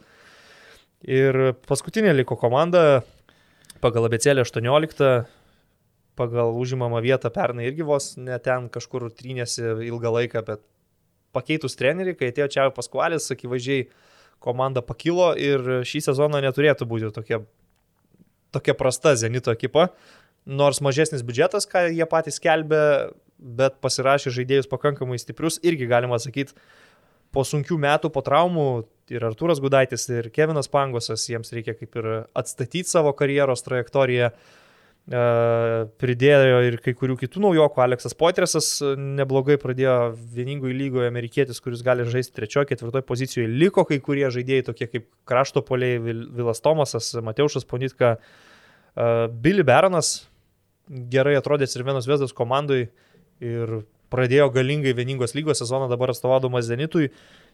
Keisi Riversas metikas, kuris atstovavo ir Kauno Žalgiriui praėjusiame sezone, irgi prideda tritaškių sniperis Vitalijus Fridzonas papildė Zenitą.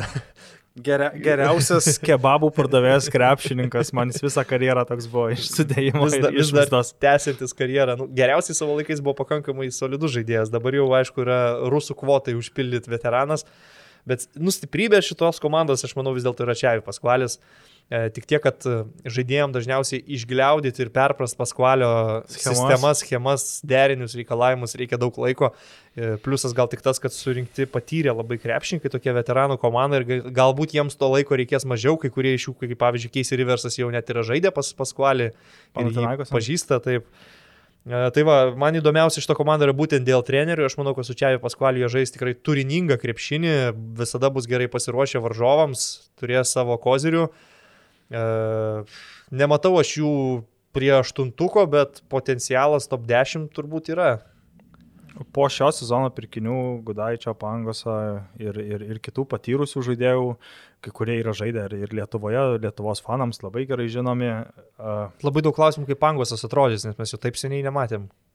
Pusantrą sezoną gal ne? Nu, žiauriai seniai nematėm.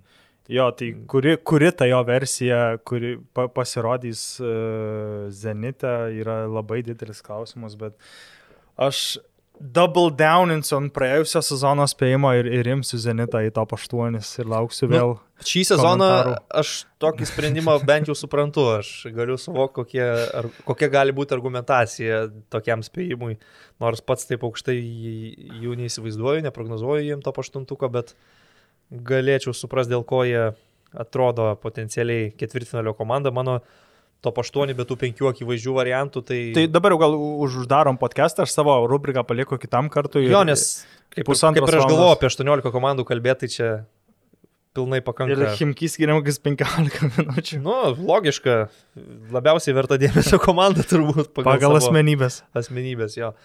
Gerai, tai top 8 Paskirstom vietas ar tiesiog Gal tiesiog, nes... jeigu tiesiog išvalėm 8, tai 5 akivaizdžios, aš jų net nekartosiu. Užda... Nuo praėjusios? Ai. Nu, tai mes pasakėm Final Four spėjimus praeitą sezoną plus Milanas. Tai čia viskas aišku, trys toliau pas mane yra Valencija, Makabis ir Fenerbakčia. Jo, mano panaš, panašus labai spėjimas penkios praėjusių sezono geriausios komandos, akivaizdžiai, kurios dar ne, likus iki reguliariojo sezono šešioms rungtynėms jau buvo užsigarantavę vietas playoffuose, plus šio sezono Milanas ir pridedu Fenerį ir Zenitą. Fenerį ir Zenitą, ok, ok. Um, tai turbūt tiek, galvojau, kad čia gal rubriką įgyvendinsim ir net apie NBA finalą pakalbėsim, bet tikrai apie 18 komandų kalbant visas bandant apžvelgti po truputėlį, greitai praskrietas laikas, tai e, šitoje vietoje baigsim podcastą, apie NBA finalą, manau, turėsim galimybę pakalbėti jau kitą kartą, kitą kartą jau apžvelgsim ir Eurolygos pirmą turą, ir e, kitas aktualijas einamas, ir rubriką savo bandysim įtraukti, kažkurio metu galbūt planuojam pasileisti ir klausytojų klausimus e, Facebook'o puslapyje užkaltų halės langų pagalvosim apie visą tai. O... Mes nekalbėjom net apie, apie Lietkabelį, Eurocapę, nes... Nu, čia jau būtų per daug. Ir, ir tiesą sakant, aš nelabai net ir turiu ką pasakyti šiuo metu. Tai va, tiek turbūt tam kartui, atsisveikinsim iki kito podcast'o, iki kitos savaitės, būtinai parašykit komentarų, palikit savo pastebėjimų, pasidalinkit ir galbūt savo prognozėmis, kas jūsų manimų šį sezoną pateks į Eurolygos e, top 8. Be Zenito. Greičiausiai daugelio bus be Zenito. tai ką, dėkojom visiems e, patronam basket newsų, dėkojom visiems klausantiem, dėkojom Local Pubui už tai, kad mus priema čia ir atsisveikinam iki kitos savaitės. Čiau.